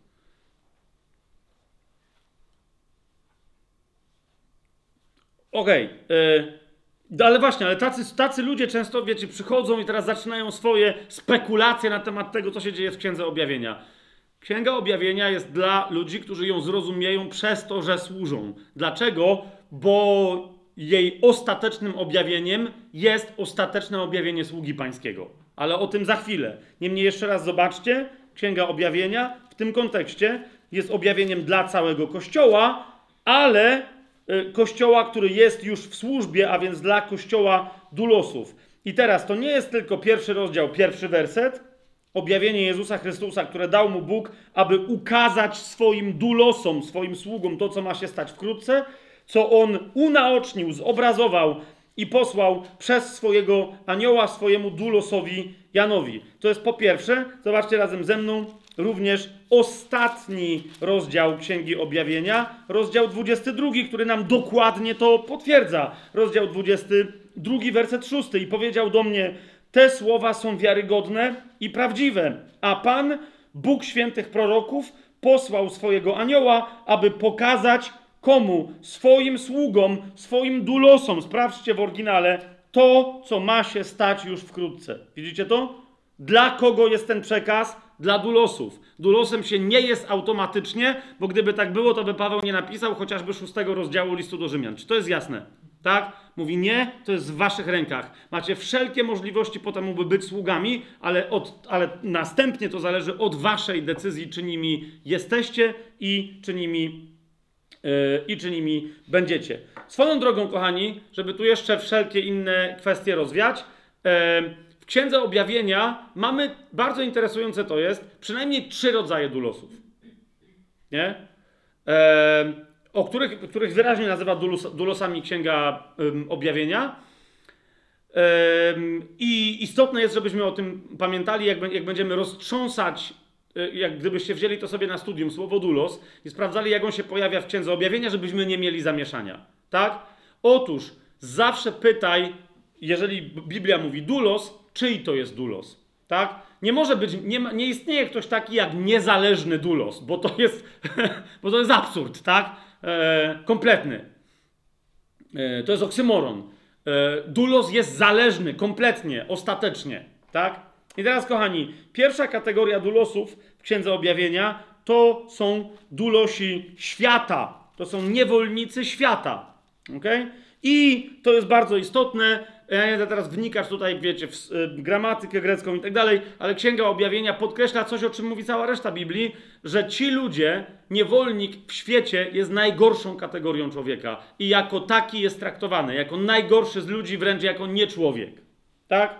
Więc dulosi świata mamy ich pokazanych na przykład w Księdze Objawienia w rozdziale szóstym, w wersecie 15 tam jest powiedziane, że niebo ustąpiło, yy, zwinęło się jak zwój, ok, ale wtedy co się stało? Szósty rozdział, 15 werset. A królowie ziemscy i możnowładcy, i bogacze, i wodzowie, i mocarze, i każdy niewolnik, tu jest dulos, i każdy wolny ukryli się w jaskiniach i skałach górskich. Nie? Ale widzicie to, że na końcu macie wolnych i niewolników, no z nich wiadomo, ludzie w świecie powiedzą lepiej być wolnym niż niewolnikiem. To jest proste. Najgorszy, najgorsza możliwa kategoria człowieka. W 13 rozdziale Księgi yy, Objawienia czytamy, że to jest podział, który absolutnie jest interesujący dla antychrysta na samym końcu wieków, który, zobaczcie sobie 13 rozdział, 16 werset, sprawia, aby wszyscy, mali i wielcy, bogaci i biedni, wolni i dulosi, przyjęli znamię na prawą rękę lub na czoło i tak dalej, i tak dalej, i tak dalej. Widzicie to? Podział absolutnie nadal jest zachowany. Świat zachowa e, podział na ludzi wolnych i na e, niewolników aż do samego swojego końca. W 19 e, rozdziale, w 18 wersecie, kiedy czytamy o tym, o, wychodzi anioł i do ptaków e, nieba krzyczy obiad, obiad. Oni się zlatują, bo jest, wiecie, bo jest po bitwie i leży masa trupów. To o tych trupach jest napisane w 18 wersecie, że anioł woła ptaki na imprezę. 18 werset, aby jeść ciała królów, ciała wodzów i ciała mocarzy, ciała koni i ich jeźdźców i ciała wszystkich wolnych i niewolników, dulosów, małych i wielkich. Jasne to jest? Yy, istnieje dulos w świecie i to jest ktoś absolutnie najgorszy. Ok? Teraz, kochani, Jezus przyszedł po to, aby ten porządek świata wywrócić kompletnie do góry nogami. Ok? On, który był najwyższy z wszystkich, wobec którego wszyscy inni z natury są dulosami, chcącymi czy niechcącymi. Rozumiecie o co mi chodzi? Bo skoro on jest panem wszystkiego, był i jest tym bardziej, mnie jest dana, mówi wszelka władza na niebie i na ziemi, to wszyscy, jeżeli on jest panem, to wszyscy inni są mu winni posłuszeństwo. Tak?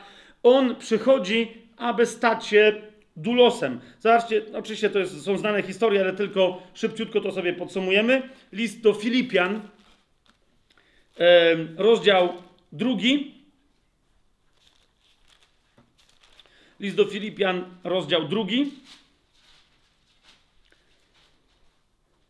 Od szóstego wersetu o Jezusie czytamy. On, który istniał w postaci Boga, nie uznał bycia równym Bogu za grabież, ale ogołocił samego siebie, przejmując postać dulosa i stając się podobnym do ludzi. Ok? Jaką on przyjął postać? W pierwszej kolejności zwróćcie uwagę, sługi, niewolnika wręcz wszystkich. Ok? Nie jakiegoś człowieka, ale człowieka, który się kompletnie wszystkim innym oddaje. I ósmy werset. Tak z postawy uznany za człowieka uniżył samego siebie i był posłuszny aż do śmierci i to śmierci krzyżowej. Widzicie to? To jest, to jest to, co zrobił Jezus. Potem został wywyższony, ale stał się sługą. Tak? W Ewangelii Mateusza, bo oczywiście moglibyśmy przywoływać teraz masę proroctw na ten temat, na temat sługi pańskiego, zwłaszcza chociażby wszystkie pieśni sługi pańskiego w księdze Izajasza, ale teraz tego nie będziemy robić u Ezechiela i tak dalej, gdzie jest zapowiedziane, że przyjdzie mój sługa, mówi Jahwe, który będzie dla was wzorcem służby, którego uczynię królem wszystkich i pasterzem. W Ewangelii Mateusza w 12 rozdziale znajdujemy ten e, e, jakże istotny fragment, w którym e, to jest 12 rozdział Ewangelii Mateusza.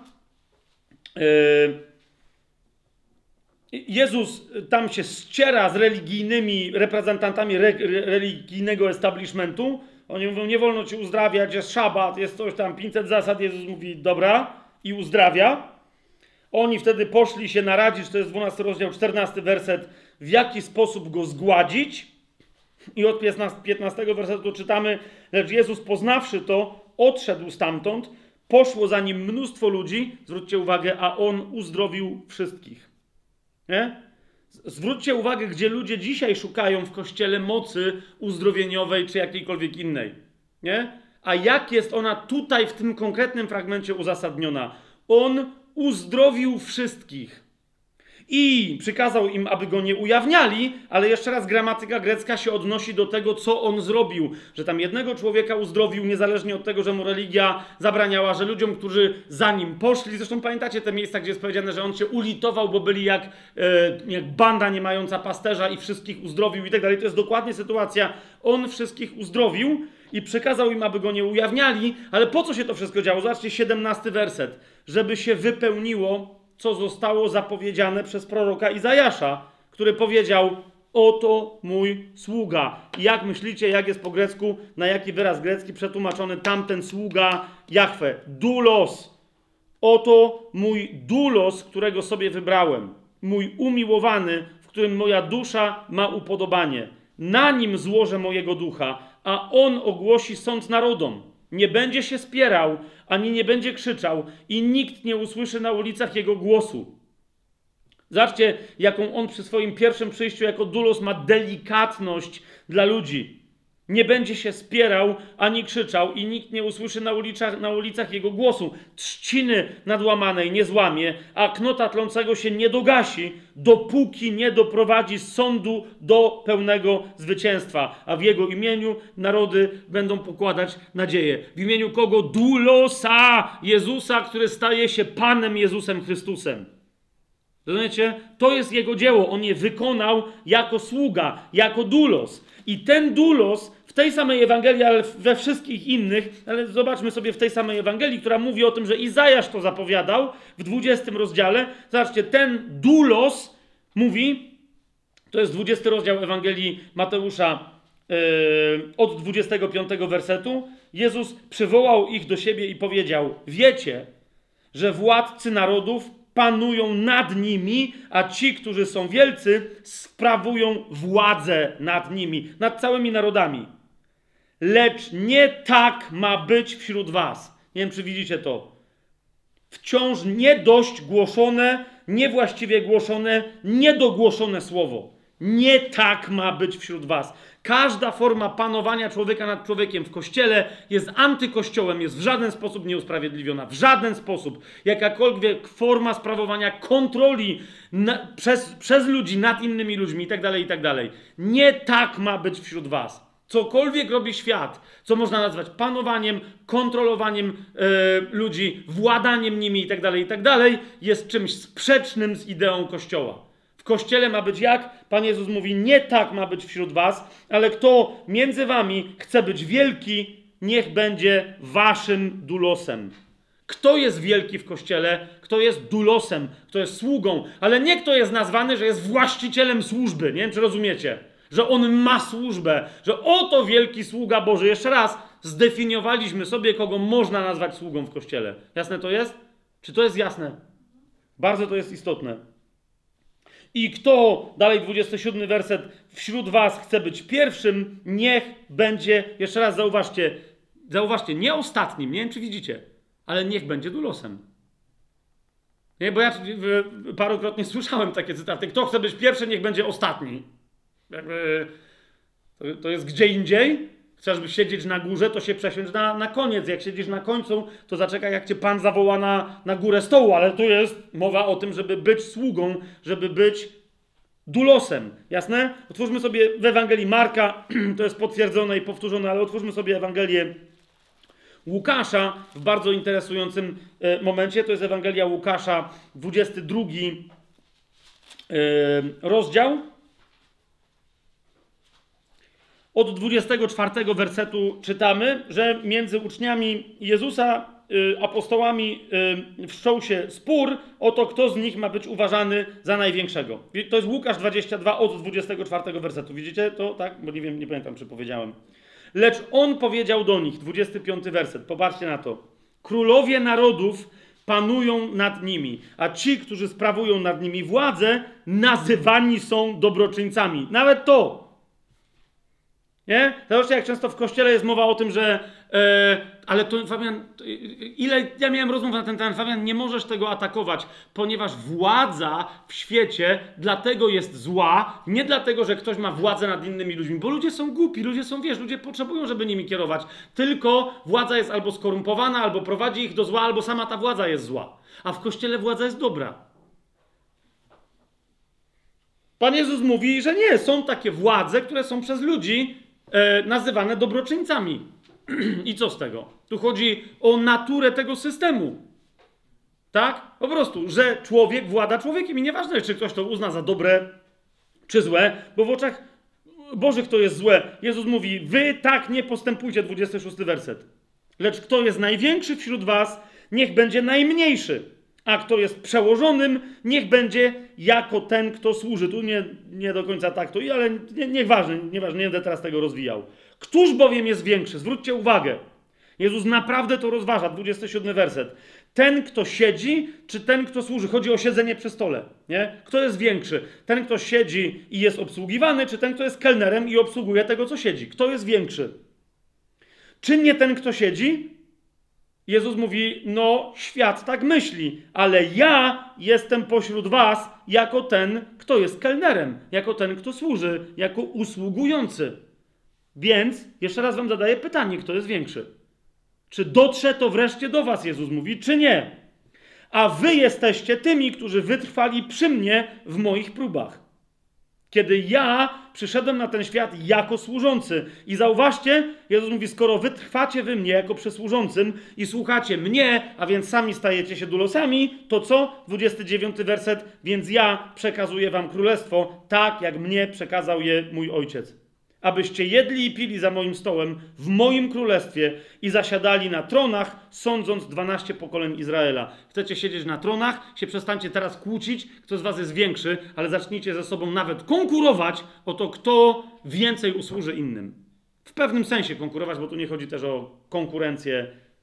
Mm, Wiecie o co mi chodzi, tak?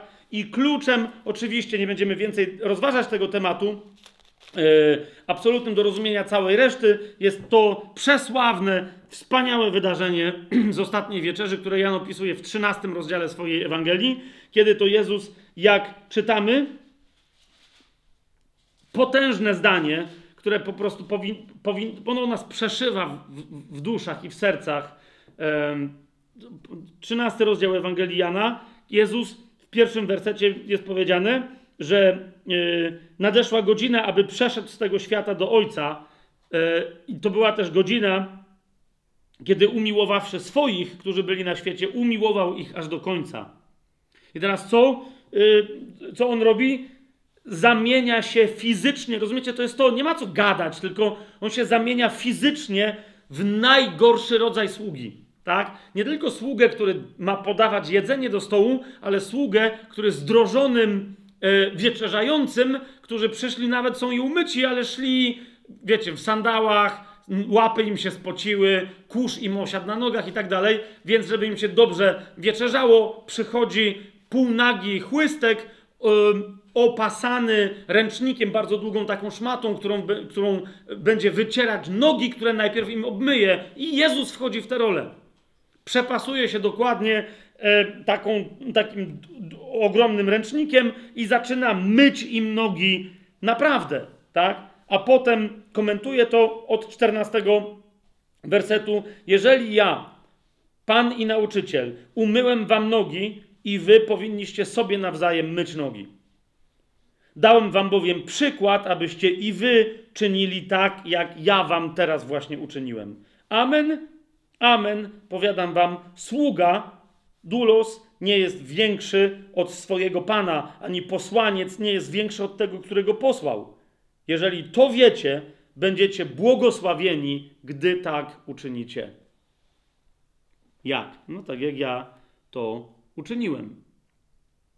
I teraz, więc kochani, dlaczego ja o tym mówię? Ponieważ w Księdze Objawienia my mamy ludzi w Kościele, którzy w ogóle nie stali się dulosami. I, Księga Objawienia pokazuje takich ludzi, że oni się różnią od dulosów w Kościele. Nie, że są niezbawieni czy coś, oni są zbawieni, nowonarodzeni, ale nie są dulosami. Pokazuje dulosów, którzy byli dulosami, ale nimi przestali być, przestali być sługami Boga, bo dali się zwieść. I pokazuje wreszcie takich, którzy wytrwali w, w służbie i, yy, i, i pogłębiają to swoje bycie dulosami. Jasne to jest? Więc nawet kiedy mówimy o sługach e, nie z tego świata, e, o sługach, którzy są sługami w kościele, we właściwym rozumieniu tego słowa, mamy nadal parę kategorii. Pierwsza, e, pierwsza wzmianka o, o takowych to jest w Księdze Objawienia drugi rozdział, to jest to, co już cytowałem. Zobaczcie, mamy tam niewiastę Jezabel, to jest drugi rozdział, 20 werset, która nie jest żadnym dulosem. Ona ma swoje dzieci, które nie są żadnymi dulosami, nigdy nimi nie byli. Jest to dobre pytanie, ale nie dzisiaj to będziemy rozważać, czy to są ludzie, którzy są w ogóle nowonarodzeni, ale mamy dulosów, którzy dali się zwieść, a więc wpadli w zwiedzenie. Dali się zwieść komuś, zauważcie, kto, dlaczego dali się zwieść? Ponieważ ktoś przyszedł i powiedział: No, wy może służycie w swoim życiu, ale wy jesteście prostakami. Ja natomiast mam objawienie, ja jestem prorokinią, mówi Jezabel. I, a skąd my to możemy wiedzieć? Ponieważ powiem wam rzeczy, które was zdumieją i zaczyna ich nauczać. Rozumiecie o co idzie? To jest ten model. Ktoś mówi dziwne rzeczy, ludziom się one podobają. Kiedy nawet dulosom mogą się podobać rzeczy, kiedy ten, kto głosi, mówi, że w sposób mistyczny można zrealizować swoje cielesne zachcianki. Tak? Cała Ewangelia sukcesu jest dokładnie czymś takim. Okay? Wzbudzanie w ludziach e, chciwości. Wzbudzanie w uczniach Bożych, którzy naprawdę chcą i uczennicach, którzy pański, pańskich, którzy naprawdę chcą. Wzbudzanie nagle, hej, zaraz, ale gdzie jest Twoje błogosławieństwo? Chciej pieniędzy, chciej nowych relacji, Twoje małżeństwo może nie do końca jest czymś, co Ci pasuje i tak dalej, i tak dalej, i tak dalej. Nie? To jest jeden z przykładów tego, jak prawdziwy dulos może nagle powiedzieć, no rzeczywiście ten ktoś ma objawienie. Dlaczego? Dlaczego przyzwala na to, żeby, czemu go nie sprawdza, ale gdzie konkretnie ten człowiek przynosi owoc służby? To jest nieistotne. Czemu? Ponieważ to, że ja uznam, że on ma objawienie, usprawiedliwia mnie w przyjęciu postawy chciwca, a nie sługi.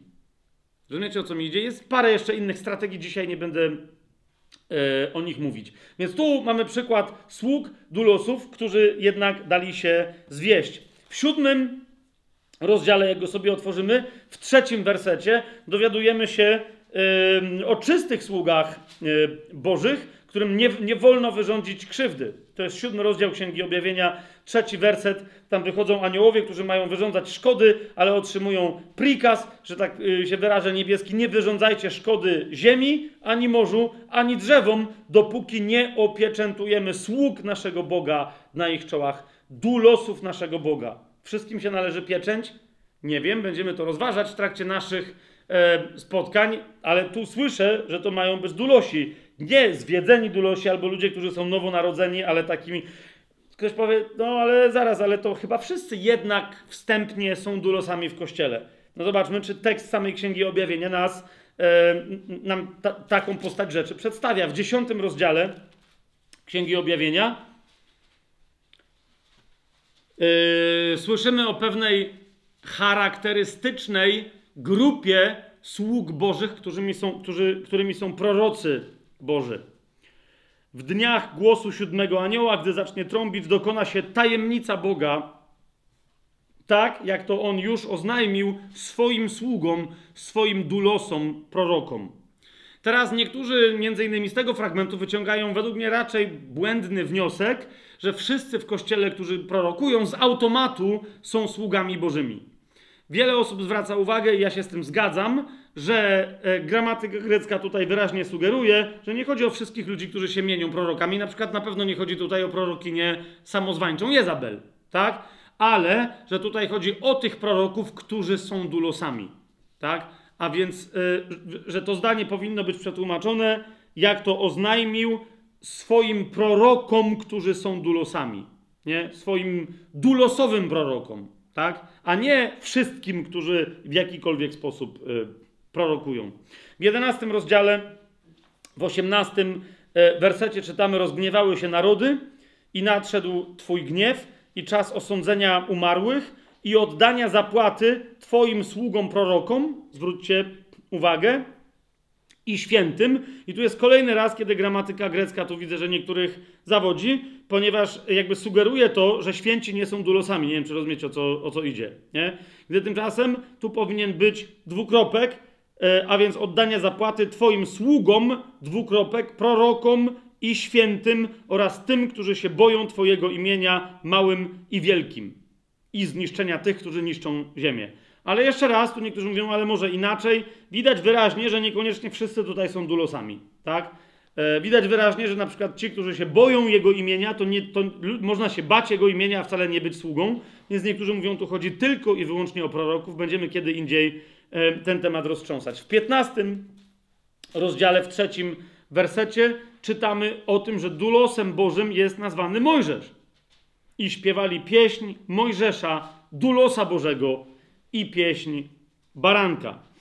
W 19 rozdziale czytamy w drugim wersecie: Jego wyroki są prawdziwe i sprawiedliwe, gdyż osądził wielką nierządnicę, która skaziła ziemię swoim nierządem i pomścił krew swoich sług z jej ręki. Tu już widzimy wyraźnie, że zdecydowanie ludzie, którzy umierają dla imienia Jezusa Chrystusa, są zabici jako męczennicy dla imienia Jezusa Chrystusa, z całą pewnością są sługami. Widzicie to? Oni tu są nazwani dulosami, ci, którzy przelali krew, e, których Babilon zabił. I w piątym wersecie czytamy, a od tronu rozległ się tego 19 rozdziału, a od tronu rozległ się głos, który mówił: Chwalcie naszego Boga, wszyscy jego słudzy, i zwróćcie uwagę, ci, którzy się go boicie, mali i wielcy. I tu już jest wyraźnie rozróżnienie. Niezależnie od tego, co mieliśmy wcześniej, czy prorocy to są, wiecie, e, czy słudzy to są prorocy i święci, czy ktoś tam, ktoś tam, ewidentnie ci, którzy się tylko boją jego imienia, są odróżnieni od tych, którzy są sługami. Widzicie to? Tu ewidentnie gramatyka jest jasna. I wreszcie 22 rozdział, zauważcie, od trzeciego do szóstego wersetu e, czytamy fascynujące zdanie. Fascynujące zdanie. Jaka jest przyszłość dulosów? I teraz nie będziemy w tym momencie tego roztrząsać, ale zwracam Wam uwagę, jak jest istotne, żeby to rozumieć. Ci, którzy pozostaną dulosami e, do momentu jego przyjścia, ci będą inaczej nieco funkcjonować niż ci, którzy nimi nie byli. Te, te, rozgraniczenia w Księdze Objawienia stają się jasne, ale jedno, gdy chodzi o dulosów, zobaczcie, 22 e, rozdział od trzeciego wersetu. I nie będzie już żadnego przekleństwa, ale będzie w nim, czyli w mieście Bożym, tron Boga i baranka, a jego dulosi będą mu służyć. Rozumiecie? Nie ma E, ci, I teraz nie, pamiętam kiedyś rozmowę z jednym e, bratem, który mówi, no to mówi fajnie, ja myślałem, że my mamy służyć tylko w tym życiu, a potem to już będziemy królować, ale rozumiesz, że, że, że, że Jezus nie przestał być sługą, kiedy zaczął królować. Czy to jest jasne? Tak, dlatego jest lwem barankiem. I teraz nie ma większego zaszczytu, jak służyć służącemu który jest służącym wszystkich służących, których jest, który jest Panem wszystkich Panów i Królem wszystkich Królów, a więc dulosi będą mieli prawo usługiwać Jemu osobiście.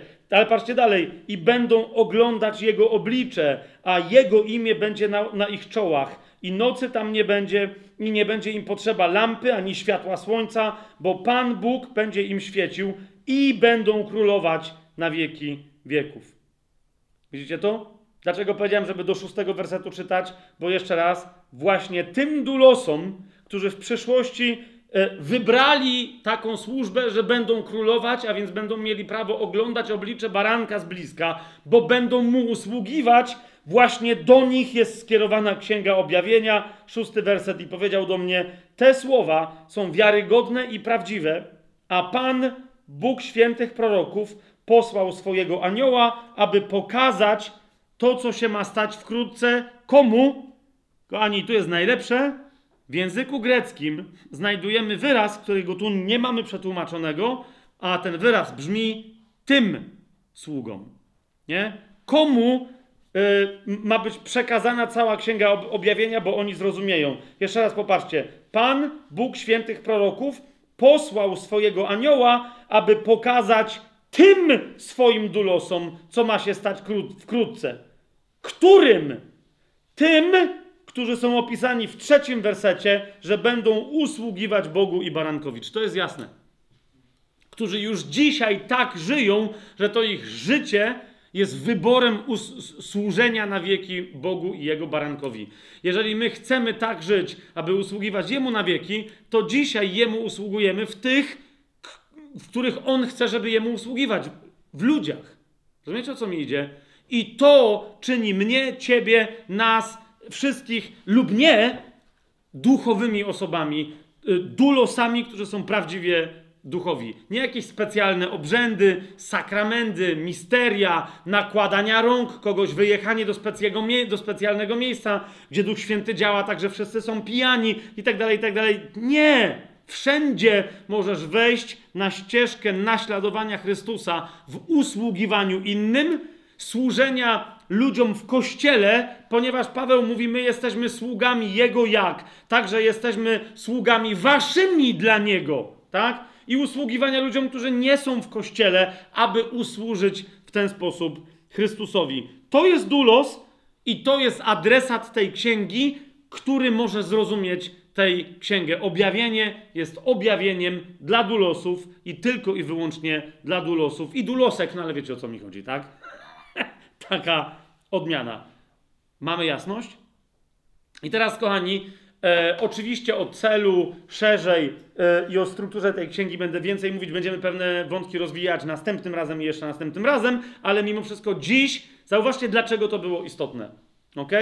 Dlaczego to było istotne, żebyśmy sobie dopowiedzieli, kto jest adresatem. A więc jak chcesz czytać tę księgę i naprawdę, żeby ona, rozumiesz, Jezus to powiedział, żeby zaznaczyć, jaką śmiercią umrze. Jezus to napisał, żeby zaznaczyć, co się konkretnie stanie, kiedy się będzie działo. Tak?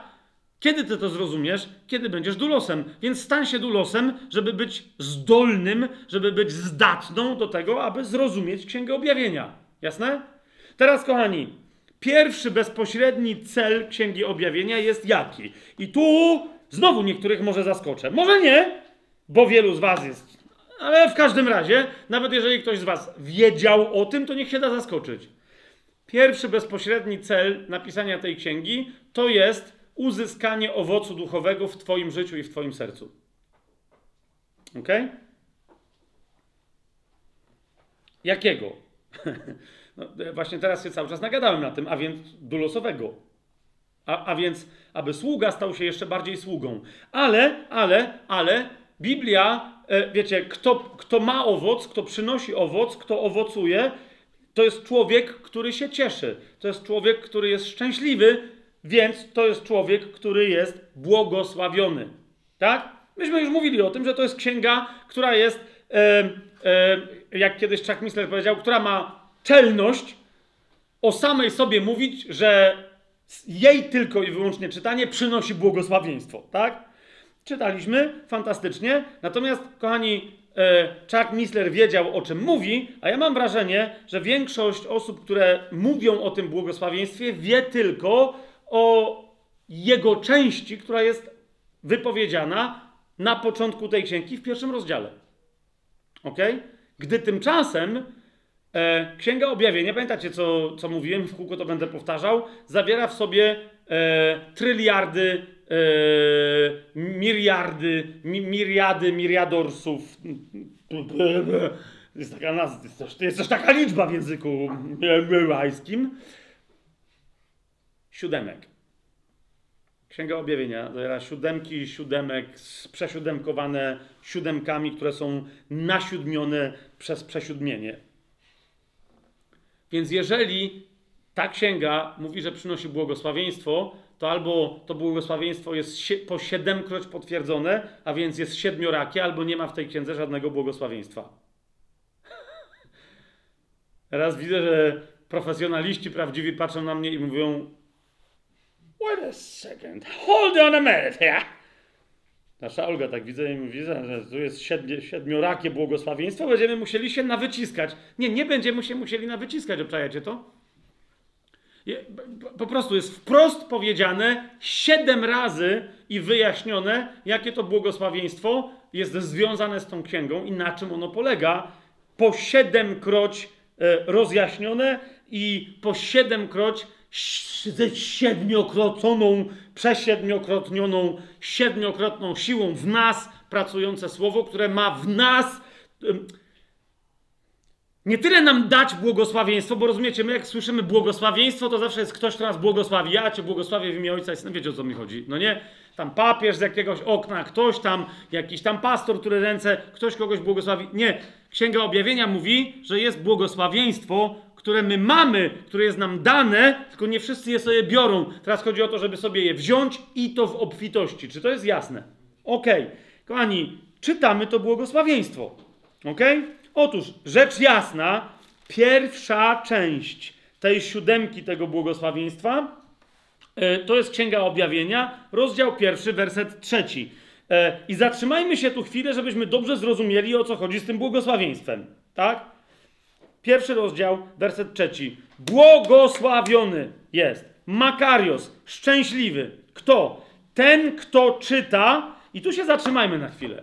Kochani, bo yy, jeszcze nie było, dopiero w tym tygodniu będzie publikacja pierwszego odcinka, tak? No ale wiadomo, że tu się zbiera jakaś grupa e, ludzi na żywo. Mamy e, mnóstwo ludzi, których teraz też pozdrawiam Was wszystkich serdecznie, którzy są na żywo, troszeczkę się z nami łączą w specjalnych, misteryjnych połączeniach. Okej, okay. Więc już pewne dyskusje się odbyły, i teraz ktoś odbył dyskusję z kimś, kto nie słucha tych wykładów, i mu mówi, że wow, będzie 15 sezon i tam wiesz, tajemny plan, rozważamy księgę objawienia, i mówi, że taka rozmowa się odbyła. Ja też takie rozmowy odbywałem. Jak czytam na przykład e, Watchmana i jeszcze paru e, Wood, Wood, Wood, jak on się nazywa? Wood, nieważne, nie pamiętam teraz, ale w każdym razie u jednego komentatora też czytałem, że dokładnie taką rozmowę odbył. Jaką? Wiecie, jest taki, taki schemat, nie? E, Księga Objawienia. O, Księga Objawienia. Ja czytam Biblię, ale wiesz, e, Księgi Objawienia nie czytam. Czemu? Bo jej nie rozumiem. Nie wiem, czy rozumiecie, co się stało. Ale ją przeczytałeś i jej nie rozumiesz, czy... No nie, nie czytam, nie, nie przeczytałem, bo jej nie rozumiem. Ale skąd możesz wiedzieć, jak jej nie przeczytałeś? No, no nie ma co czytać, skoro ja już. Rozumiecie? Ludzie z góry wiedzą, że jej nie rozumieją.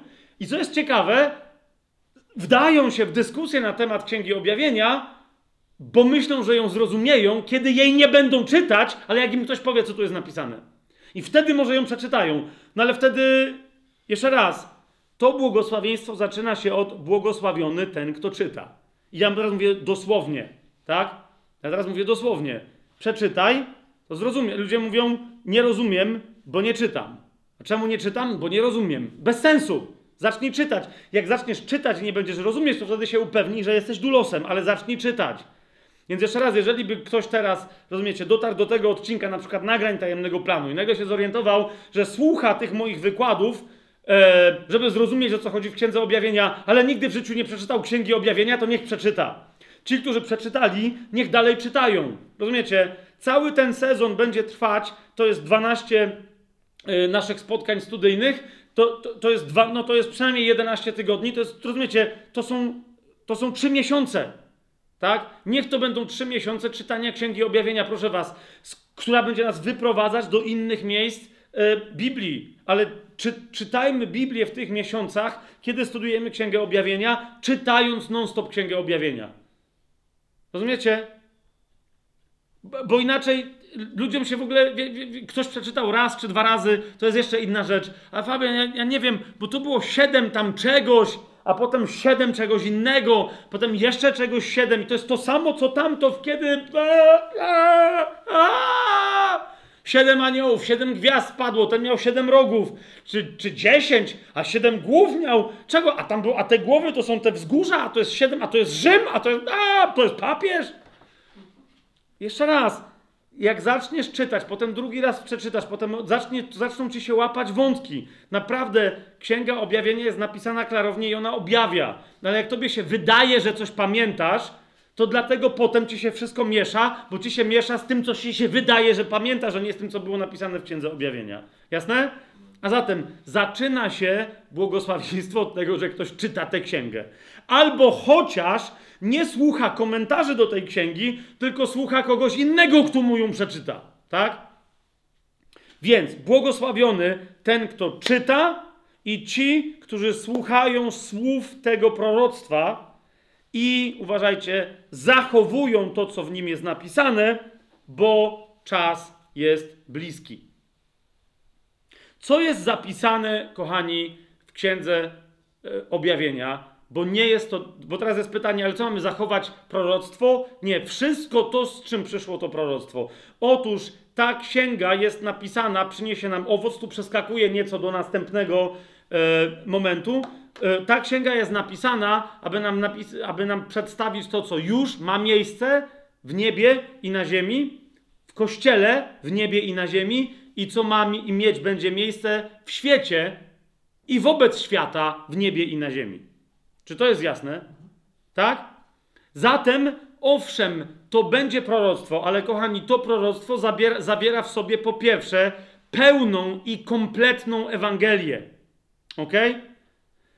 Jak, co jest pełna i kompletna Ewangelia? Myśmy, który to był czwarty sezon tajemnego planu, tam żeśmy mówili o pełnej Ewangelii Jezusa, która nie jest tylko Ewangelią o tym, że Jezus nas zbawił i na pewno nie jest Ewangelią o tym, że pójdziemy do nieba. Zauważcie, to jest takie trochę to jest pełna Ewangelia. Jezus nas bawił. Po co? Żebyśmy poszli do nieba. Ja już pomijam to, że super nas zbawił i co dalej, ale nie po to, żebyśmy poszli do nieba. I o tym jest Księga Objawienia. Jak ktoś nie czyta Księgi Objawienia jako istotnej dla głoszenia Ewangelii Księgi, to nie zna Ewangelii. Rozumiecie? Więc to jest pełna Ewangelia. Pełna Ewangelia, która mówi całą historię, tak? Kończy wszystkie wątki w historii. Jeden z tych moich komentatorów, Woodward, Woodward chyba, on mówi, że kiedyś nauczał y, księgi objawienia w 60 latach i w pewnym stwierdził, będę inaczej to robił. Y, po prostu to były zajęcia dla młodych mężczyzn. Mówi, słuchajcie, to się długo nie czyta. Niech sobie każdy przeczyta księgę objawienia. Teraz. Nie? Mówi, jak myślicie, na jakie pytania odpowiada Księga Objawienia? Mówi, no jakie może, no żadne, co będzie w przyszłości i tak dalej, i tak dalej, nie? A on im zadał pytanie, mówi, słuchajcie, Jezus umarł, ale czy dzieło się wykonało? No pewnie, że się wykonało. Wykonało się, nie? No okej. Okay. Jesteście pewni? A pastor uważa, że, się, że, że nie wykonało się? Nie, uważam, tylko czy wy wiecie, co mówicie. Okay? Dalej, co z szatanem? Co, czy my pójdziemy do nieba? Nie? E, czy, gdzie będzie niebo, jakby, bo gdzieś będzie piekło i tak dalej. Tak, masę pytań im pozadawał, nie?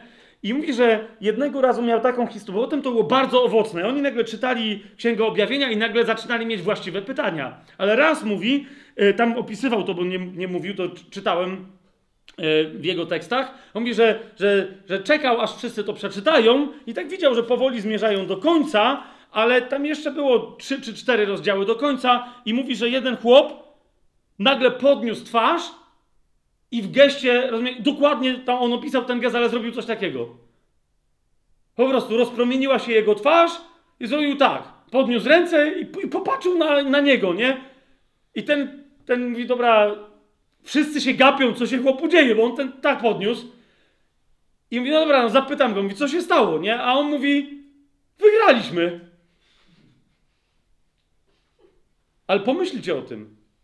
Rozumiecie, gość, który był studentem w szkole, a bo nie powiedziałem o tym, dla pastorów. Rozumiecie, podniósł ręce i mówi, ty wygraliśmy.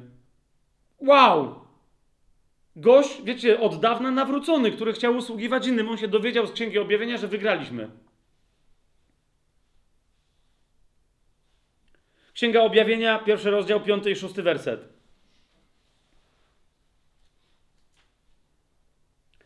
głoszą, że Jezus jest tym, który nas umiłował, obmył nas z naszych grzechów swoją krwią, całe dzieło zbawienia, i zauważcie, to czego się zwykle nie głosi na temat nadchodzącego królestwa, i uczynił nas królami i kapłanami dla Boga swojego Ojca. Jemu chwała i moc na wieki wieków.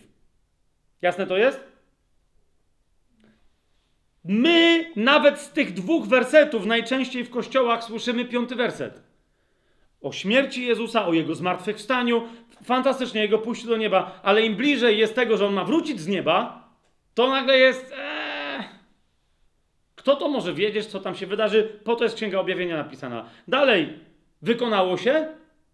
Jak Jezus krzyczał na krzyżu, że się wykonało, to co on miał do zrobienia na krzyżu, to się wykonało. Ale pytam się, czy się wykonało? Czy cała historia, którą Bóg miał do wykończenia, czy to się wykonało?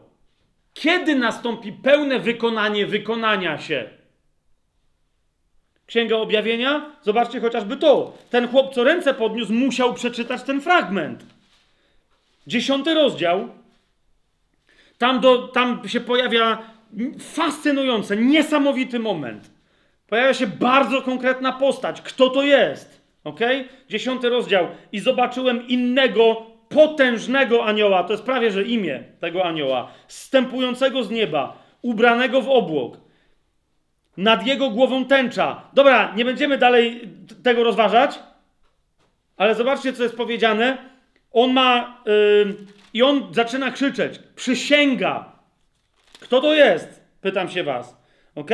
Ten anioł, piąty werset, zobaczcie, którego widziałem stojącego na morzu i na ziemi, podniósł swoją rękę ku niebu. Widzicie to? Rozumiecie? I on co robi? Zaczyna uroczyście przysięgać. W języku biblijnym to oznacza, że on teraz ustanawia coś na wieki. To nie jest przysięga, której on dopiero musi tylko, tylko on zaklina, jakby mówiąc trochę dziwnym językiem rzeczywistość, on to stwierdza.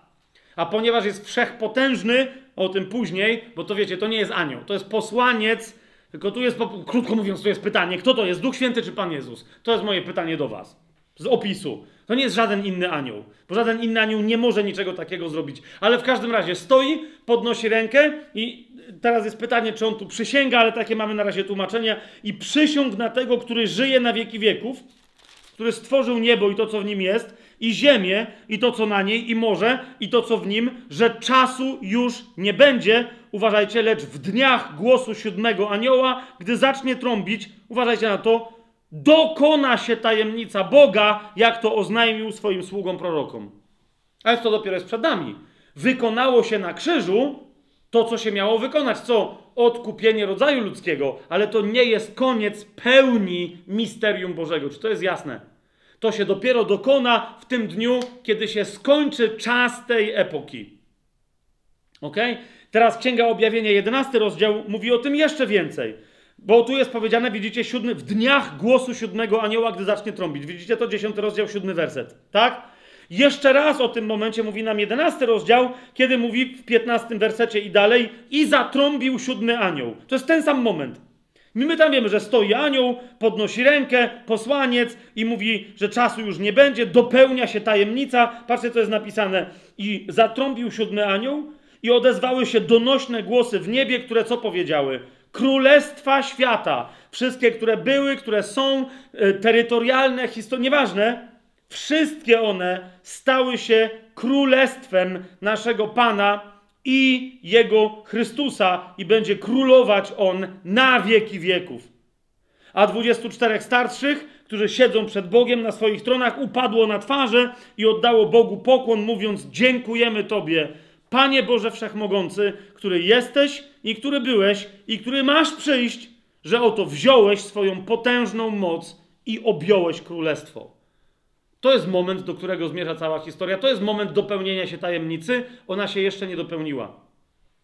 Tak? Jest jeszcze parę innych momentów w Księdze Objawienia, które mówią it is finished, że się posłużę starogreckim. Wykonało się, jest dokończone. Jest parę takich momentów, które wprost, przynajmniej jeden, który to wprost mówi w Księdze Objawienia. Co? Nie dzieło krzyża, ale jeszcze cała reszta, że rozumiecie?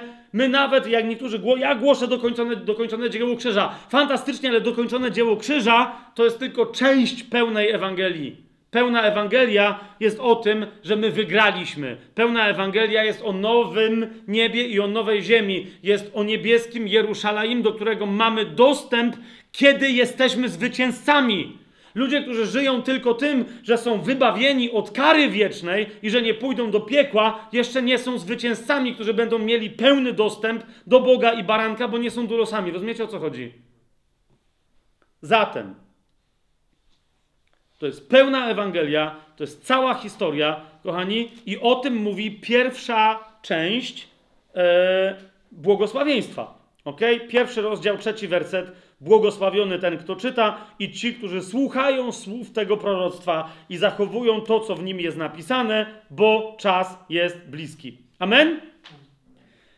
E, Gdzie znajdujemy drugą część naszego błogosławieństwa? Rozdział 14, werset 13. I usłyszałem głos z nieba.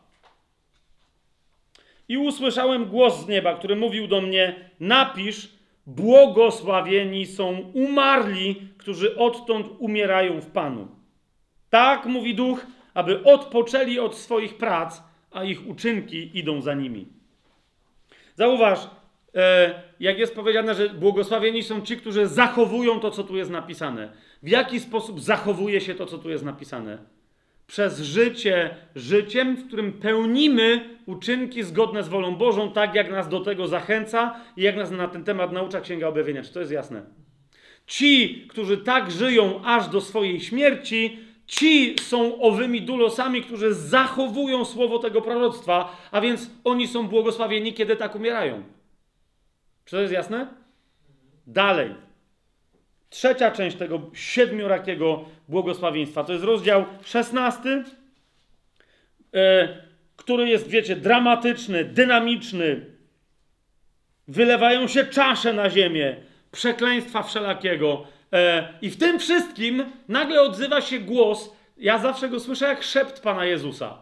Jakby nagle, wiecie, jest takie, dzieje się film, bo tam widzicie, usłyszałem donośny głos, 16 rozdział, pierwszy werset, ze świątyni mówiący do siedmiu aniołów, idźcie i wylejcie siedem czasz gniewu Boga na ziemię. I oni tam wychodzą i leją. A, a, a, a, ci krzyczą, no, dzieje się. A, I nagle jest, pff, tak jak w takich filmach akcji, nagle jest, I z ofu, w 15 wersecie, odzywa się głos Pana Jezusa, oto przychodzę jak złodziej. Błogosławiony, kto czuwa i kto strzeże swoich szat, żeby nie chodził nago i żeby nie widziano jego hańby. I szesnasty werset. I zgromadził ich na miejsce zwane po hebrajsku Armagedon. I jazda jest dalej. Przedziwne miejsce, które bardzo łatwo, ale widzicie, jest dalej. Błogosławiony, kto czuwa.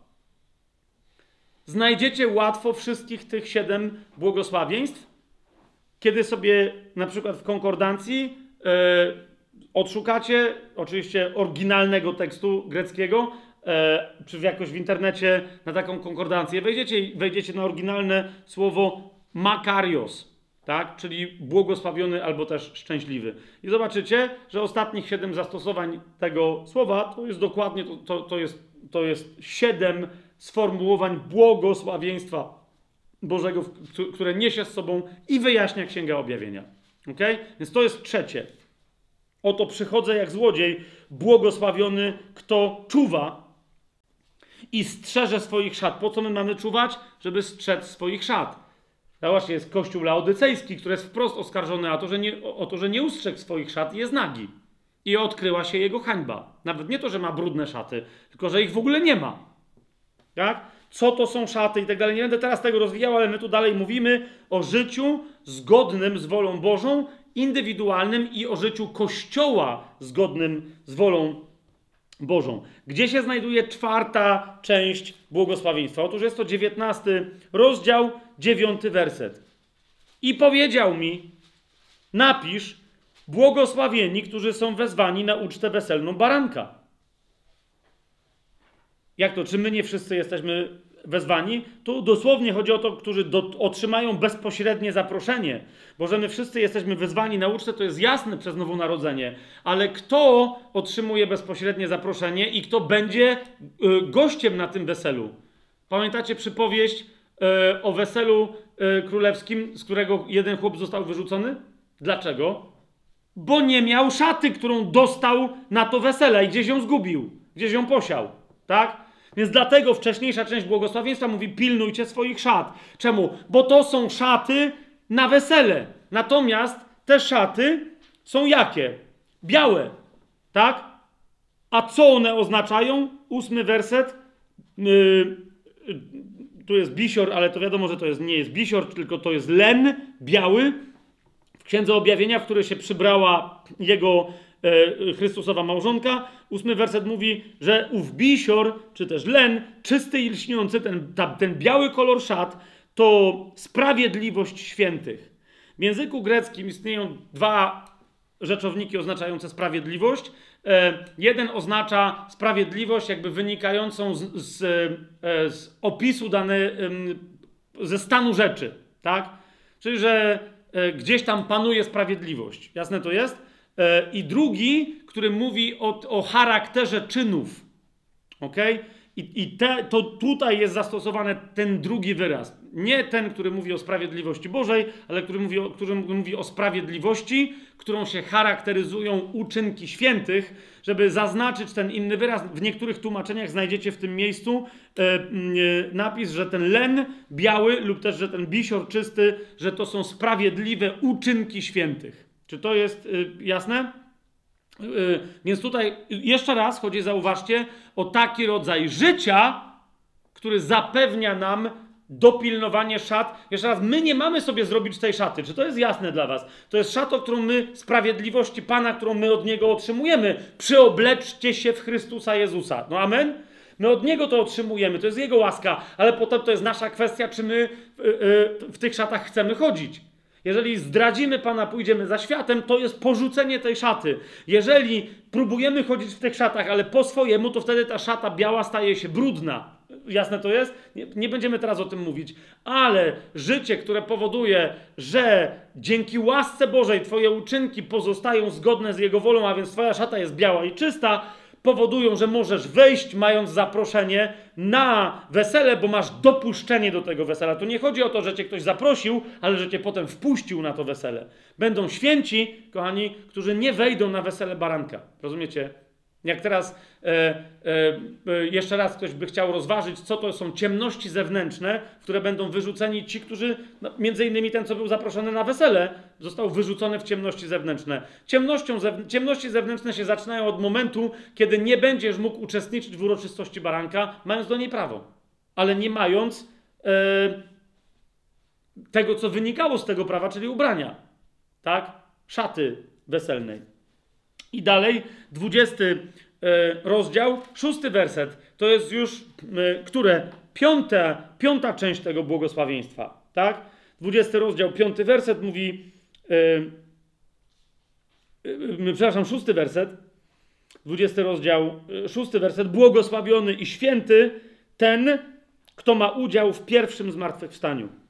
Dlaczego? Nad nim bowiem druga śmierć nie ma władzy, ale będzie kapłanem Boga i Chrystusa i będzie z nim królować tysiąc lat. Ok? Częścią tego błogosławieństwa jest, że kiedy ty przyjmiesz, będziesz zachowywać to, o czym mówi ta księga, podsumowując jako ostatnia księga łaski, całe nauczanie łaski, to będzie to i umrzesz w Chrystusie, no bo widzieliście wcześniej, błogosławieni, którzy od tej pory umierają w Chrystusie, tak? Ci zmartwychwstaną wraz z przychodzącym Chrystusem. Jak o tym Paweł naucza, ale nie wszyscy, tak? Nie wszyscy, tylko ci, którzy należeli do Chrystusa. Zauważcie tu, trzymajcie założone Księgę Objawienia 19 rozdział, ale przypomnijmy sobie, co Paweł chociażby pisał w pierwszym liście do Koryntian w 15 rozdziale. 20, to jest pierwszy do Koryntian 15 rozdział 22 werset. Jak bowiem w Adamie wszyscy umierają, tak też w Chrystusie wszyscy zostaną ożywieni. Ale zauważcie, nie wszyscy do żadnego nieba. W ogóle bym powiedział, że w zasadzie to nikt nie, do, nie będzie ożywiony do nieba, ale to o tym za chwilę, czyli właśnie teraz. Ale każdy w swojej kolejności w 23 wersecie pisze Paweł. Chrystus jako pierwszy plon już zmartwychwstał. Dalej Potem ci, którzy należą do Chrystusa. Kiedy? W czasie Jego przyjścia. Tak? A potem będzie koniec, gdy On przekaże królestwo. Krótko mówiąc, to jest pierwsze zmartwychwstanie. To są ci, którzy zmartwychwstają do życia wiecznego, którzy w związku z tym nie będą sądzeni na, podczas e, sądu Białego Tronu. Zauważyliście to? Wtedy ci, którzy zmartwy, to jest jasne, ci, którzy zmartwychwstaną dopiero na sąd drugiego, tego, ten drugi sąd Białego Tronu, czyli na sąd ostateczny, oni zmartwychwstają na potępienie. Dlaczego? Dlatego, że jedyne, co ich będzie bronić, to jest to, co oni wybrali, żeby ich broniło, czyli ich własne uczynki. Nie? Popatrzcie w 20, yy, w 20 rozdziale, w 20 wersecie, jak wygląda ten drugi sąd. I dlaczego błogosławieni ci są ci, którzy zmartwychwstaną e, przed, na początku tysiącletniego królestwa, a nie na końcu. Bo na końcu, 11 werset mówi, zobaczyłem wielki biały tron, świetnie, i po, po co on tam się pojawił? No bo mieli być sądzeni następni umarli. Ale zobaczcie jak. I zobaczyłem umarłych, 12 werset, wielkich i małych, stojących przed Bogiem i otwarto księgi.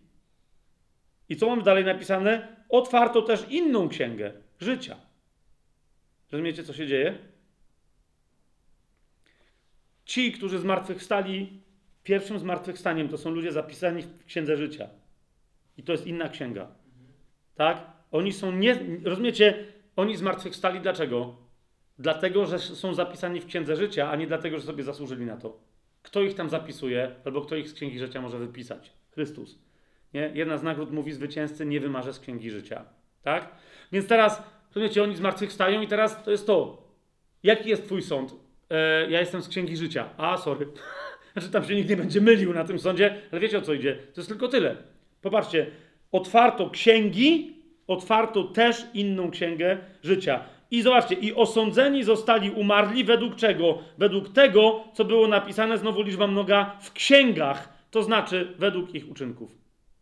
Zostały otwarte księgi, których były zapisane ich uczynki. W momencie, kiedy my jesteśmy zbawieni przez Chrystusa, rozumiecie, że nie ma ksiąg naszych złych uczynków, ani dobrych, wykonanych przed zbawieniem. Dlaczego? Ponieważ my jesteśmy sądzeni z Jego uczynków, z Jego sprawiedliwości, z Jego prawdy, z Jego świętości. Więc to jest jedna księga. Swoją drogą, księga życia e, e, jest nazwana wprost w Księdze Objawienia księgą baranka. Tak? Księgą, przepraszam, nie księgą baranka, tylko księgą życia baranka. Tak? Jaram się tym. Znaczy, bo to jest. No, kto będzie, kto by chciał tam stanąć? To wiecie, jaka musi, jakie, jakie musi być zadufanie serca człowieka, żeby uznał, nie, stanę przed Bogiem i naprawdę, no po prostu ja jestem raczej lepszy niż, niż gorszy. Naprawdę. I, I, Biblia mówi, nie, jeżeli będziesz na tym e, się opierać, to po prostu to, to jest druga śmierć. To jest wieczna śmierć, to jest twój wybór. Twoje uczynki prowadzą cię do, do twojej, to, ale to jest twój wybór. Możesz wybrać Chrystusa. Wybierz Chrystusa.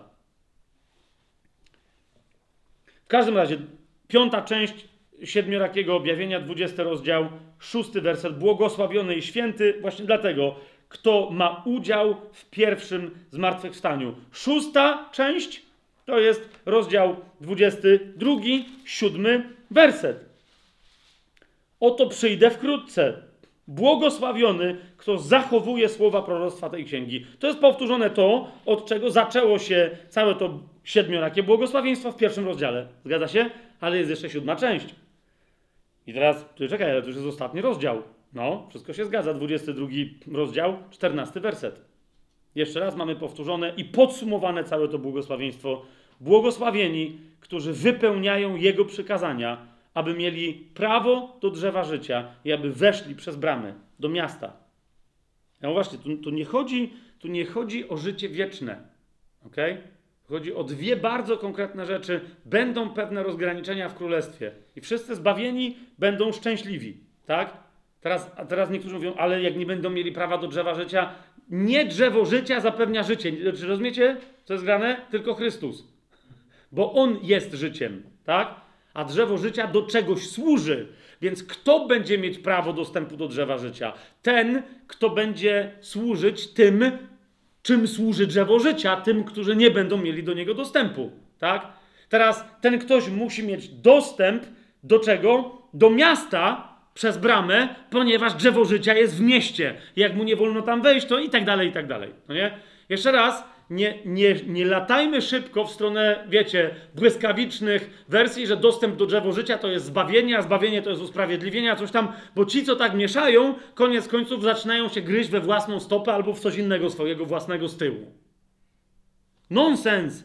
Musimy dokładnie zobaczyć, o czym mówi Biblia, ale jeszcze raz, 22 rozdział, ci, którzy przestrzegają Jego przykazań, siódma część błogosławieństwa, są błogosławieni, a będą mieli prawo do drzewa życia oraz wchodzić przez bramy do miasta. Mamy to? Kochani, mamy to? Dobrze, i teraz na samo zakończenie e, e, szybko Wam pokażę mm, e, jeszcze pozostałe cele e, Księgi Objawienia i jak one są bardzo szybko, naprawdę bardzo szybko, jak one są e, ułożone w plan. Tam jest jedna na koniec bardzo sensacyjna informacja, która niektórym z Was może zmienić czytanie e, Księgi Objawienia na zawsze i może wreszcie ona stanie się w pewnych momentach zrozumiała, ale yy, idźmy po kolei. Tak? Tylko wam mówię, że, że yy, ja teraz to zrobię bardzo skrótowo, a potem pewne te rzeczy, które teraz przedstawię, będziemy rozwijać, bo nam się nie spieszy. Ponieważ Pan Jezus nadciąga, to gdzie się ma nam spieszyć? Otóż, kochani, jaki jest cel Księgi Objawienia, poza tym, żeby wnieść w nasze życie w sposób ostateczny błogosławieństwo związane z życiem pełną Ewangelią? Ten cel jest opisany, jest jedno takie zdanie i u wszystkich komentatorów porządnych Księgi Objawienia, nieważne skąd oni są, nawet z Kościoła katolickiego, wszyscy się zgadzają, że znajdziemy ten cel w pierwszym rozdziale Księgi Objawienia w dziewiętnastym wersecie. Ok? Po co jest, e, jest ta księga napisana? No w pierwszym rozdziale się dowiedzieliśmy, żeby pokazać pewne rzeczy, e, żeby je ujawnić, dać zrozumieć, tak? Ale jakie to są rzeczy? 19 werset mówi: Napisz to, co widziałeś i co jest, i co ma się stać potem. Znowu o gramatyce tego zdania sobie jeszcze możemy porozmawiać, ale chodzi o to: napisz to, co widziałeś. A co widziałeś? Widziałeś to, co jest, a więc to, co ma miejsce teraz, w tej chwili, co jest w teraźniejszości, autora tej księgi. Jest to jasne? i to, co ma się stać później, a więc opisz rzeczy przyszłe. To, co jest, ja teraz dodam, to, co jest rzeczywistością ciągłą na niebie i na ziemi, to już ma miejsce i zawsze będzie miało miejsce, i to, co się stanie w niebie i na ziemi. Pewne rzeczy się jeszcze w niebie nie stały. I one są opisane, że dopiero kiedy one się staną, to one się staną przyczyną pewnych rzeczy na ziemi. Ma to sens? To powiedziałem? Teraz, kochani, e, w wersecie 11 e, tego pierwszego rozdziału e, jeszcze raz mamy potwierdzone, że dokładnie to jest to. Ok? To, taki cel stawia przed pisarzem tej księgi, ten, który jest dyktującym tę księgę, czyli Jezus. Jezus przed Janem. W 11 wersecie mówi: Co widzisz, napisz w tej księdze. Widzicie to? Co widzisz, napisz w tej księdze. Pierwszy rozdział, 11 werset. 19 werset. Napisz to, co widziałeś z tego, co jest i z tego, co ma się stać dopiero, dopiero potem. I dlatego ten, który, który miał to zrobić, to zrobił. I w drugim wersecie mówi, że poświadczył Słowo Boże i świadectwo Jezusa Chrystusa i wszystko, co widział. Jest to jasne? Teraz, kochani, chcę Wam od razu zaznaczyć, że to nam nakłada pewien istotny filtr, kiedy my będziemy czytać, co się tu dzieje. Każdą z rzeczy, którą czytamy w Księdze Objawienia, nawet jak jest napisane, że coś usłyszał Jan, on następnie widzi, co słyszy, i tylko to, co widzi, jest istotne i tłumaczy to, co on słyszy. Czy to jest jasne, co powiedziałem teraz? Bo on ma napisać tylko to, co widzi, a niekoniecznie to, co słyszy. Nie? Zwrócę Wam uwagę na, na, jeden pewien wątek, no nie? o który ktoś mnie zapytał, e, jak powiedziałem, że w tej księdze, w odróżnieniu od księgi Daniela jest napisane, żeby nie pieczętować słów tej księgi. Nie? Zobaczcie Księgę Objawienia, 22 rozdział, 10 werset. Potem powiedział do mnie, nie pieczętuj słów proroctwa tej księgi, bo czas jest bliski. Amen? Amen? Ale ktoś mnie zapytał, mówi Fabian, ale w środku Księgi Objawienia jest napisane, żeby jednak zapieczętować słowa. To co się tu dzieje? Widzisz, bo słowa tej księgi wszystkie odsłaniają to, co jest widoczne dla oczów. Ok? Ale jeżeli w tej księdze ktoś coś powiedział, a co nie było pokazane Janowi, to ma być zapieczętowane. Zobaczcie razem ze mną Księgę Objawienia, dziesiąty rozdział, żebyście zrozumieli, o czym jest mowa. W dziesiątym rozdziale Jan słyszy pewne rzeczy. W trzecim wersecie czytamy, że kiedy ten anioł, o którym dzisiaj już mówiłem, co stoi jedną nogą tu, drugą tam, tęczę ma nad głową i tak dalej, że kiedy on krzyczał, gdy zawołał, siedem gromów odezwało się swoimi głosami. Widzicie to? A gdy siedem gromów przemówiło swoimi głosami, zabrałem się do pisania. Czego? Tego, co one mówiły. I wtedy zauważcie, usłyszałem głos z nieba, który mówi: Zapieczętuj to, co mówiło siedem gromów, i nie pisz tego. Dlaczego? Bo dostał wyraźny prikaz, żeby pisać to, co widzi, a nie to, co słyszy. Ok? Zauważcie, jak na początku Jan najpierw słyszy, to czemu potem nam opisuje coś, co się zaczęło od słyszenia, bo się odwrócił i zobaczył i dlatego miał prawo napisać. Zobaczcie pierwszy rozdział. Dziesiąty werset. I usłyszałem za sobą głos potężny, jakby trąby, który mówił. On by pewnie też dostał prikaz, żeby zapieczętować to, tylko że co się stało? Dwunasty werset. I odwróciłem się, żeby zobaczyć, co to za głos mówił do mnie. A gdy się odwróciłem, zobaczyłem. No i dlatego mógł napisać. Bo widział. Jeszcze raz pamiętajcie, jeżeli w tej księdze jest napisane, że ktoś coś powiedział i nie ma opisane, jak to coś wygląda, to się nie domyślamy, e, tylko szukamy, czy jest gdzieś wyjaśnienie. Jak nie ma, to nie ma. To jest jedna z bardzo istotnych rzeczy, bo celem tej księgi jest dla nas opisanie rzeczy, które Jan widział, to było jego zadanie, a nie rzeczy, które słyszał. Jasne to jest? Domyślanie się, ale dane słowo brzmiało tak, a coś tam. Inni mówią Fabian, bo tutaj te greckie litery wyglądają jak dwa złączone miecze albo coś, ale tego Jan nie widział.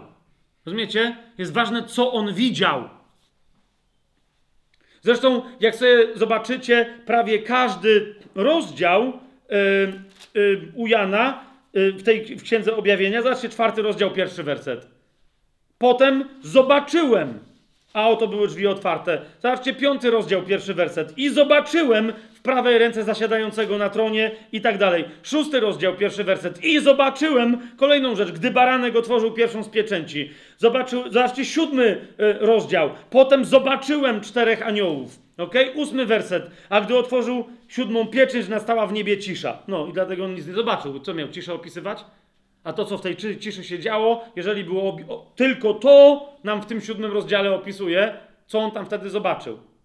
Dlatego w drugim wersecie mówi: Ciszy wam nie opiszę. I to, co się w niej działo, ale zobaczyłem siedmiu aniołów. Widzicie to? Piotr zatrąbił. Piąty, dziesiąty rozdział. I zobaczyłem innego potężnego anioła. I tak dalej. Nie? Niektóre, e, niektóre rozdziały, jak na przykład dwunasty, zaczynają się od nie stwierdzenia, że zobaczyłem, ale jest ewidentne, że zobaczyłem, bo ukazał się wielki cud na niebie, no który ja zobaczyłem, bo nie, nie słyszałem, żebyście go widzieli. Tak? Więc zobaczyłem, zobaczyłem, zobaczyłem. Niektórzy powiadają, dobra, ale wyłamuje się z tej zasady yy, drugi i trzeci rozdział, ponieważ yy, tam nie ma mowy o widzeniu czegokolwiek.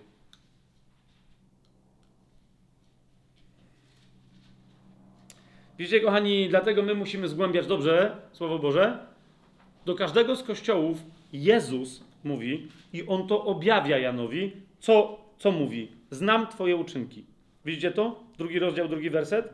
Do kościoła w Efezie, znam Twoje uczynki. Do każdego kolejnego kościoła mówi coś tam, coś tam, ale znam Twoje uczynki. Znam Twoje uczynki. Znam Twoje uczynki. Znam Twoje uczynki. Drugi, trzeci rozdział. Do siedmiu kościołów Jezus mówi, nie mówi, że zna ich uczynki.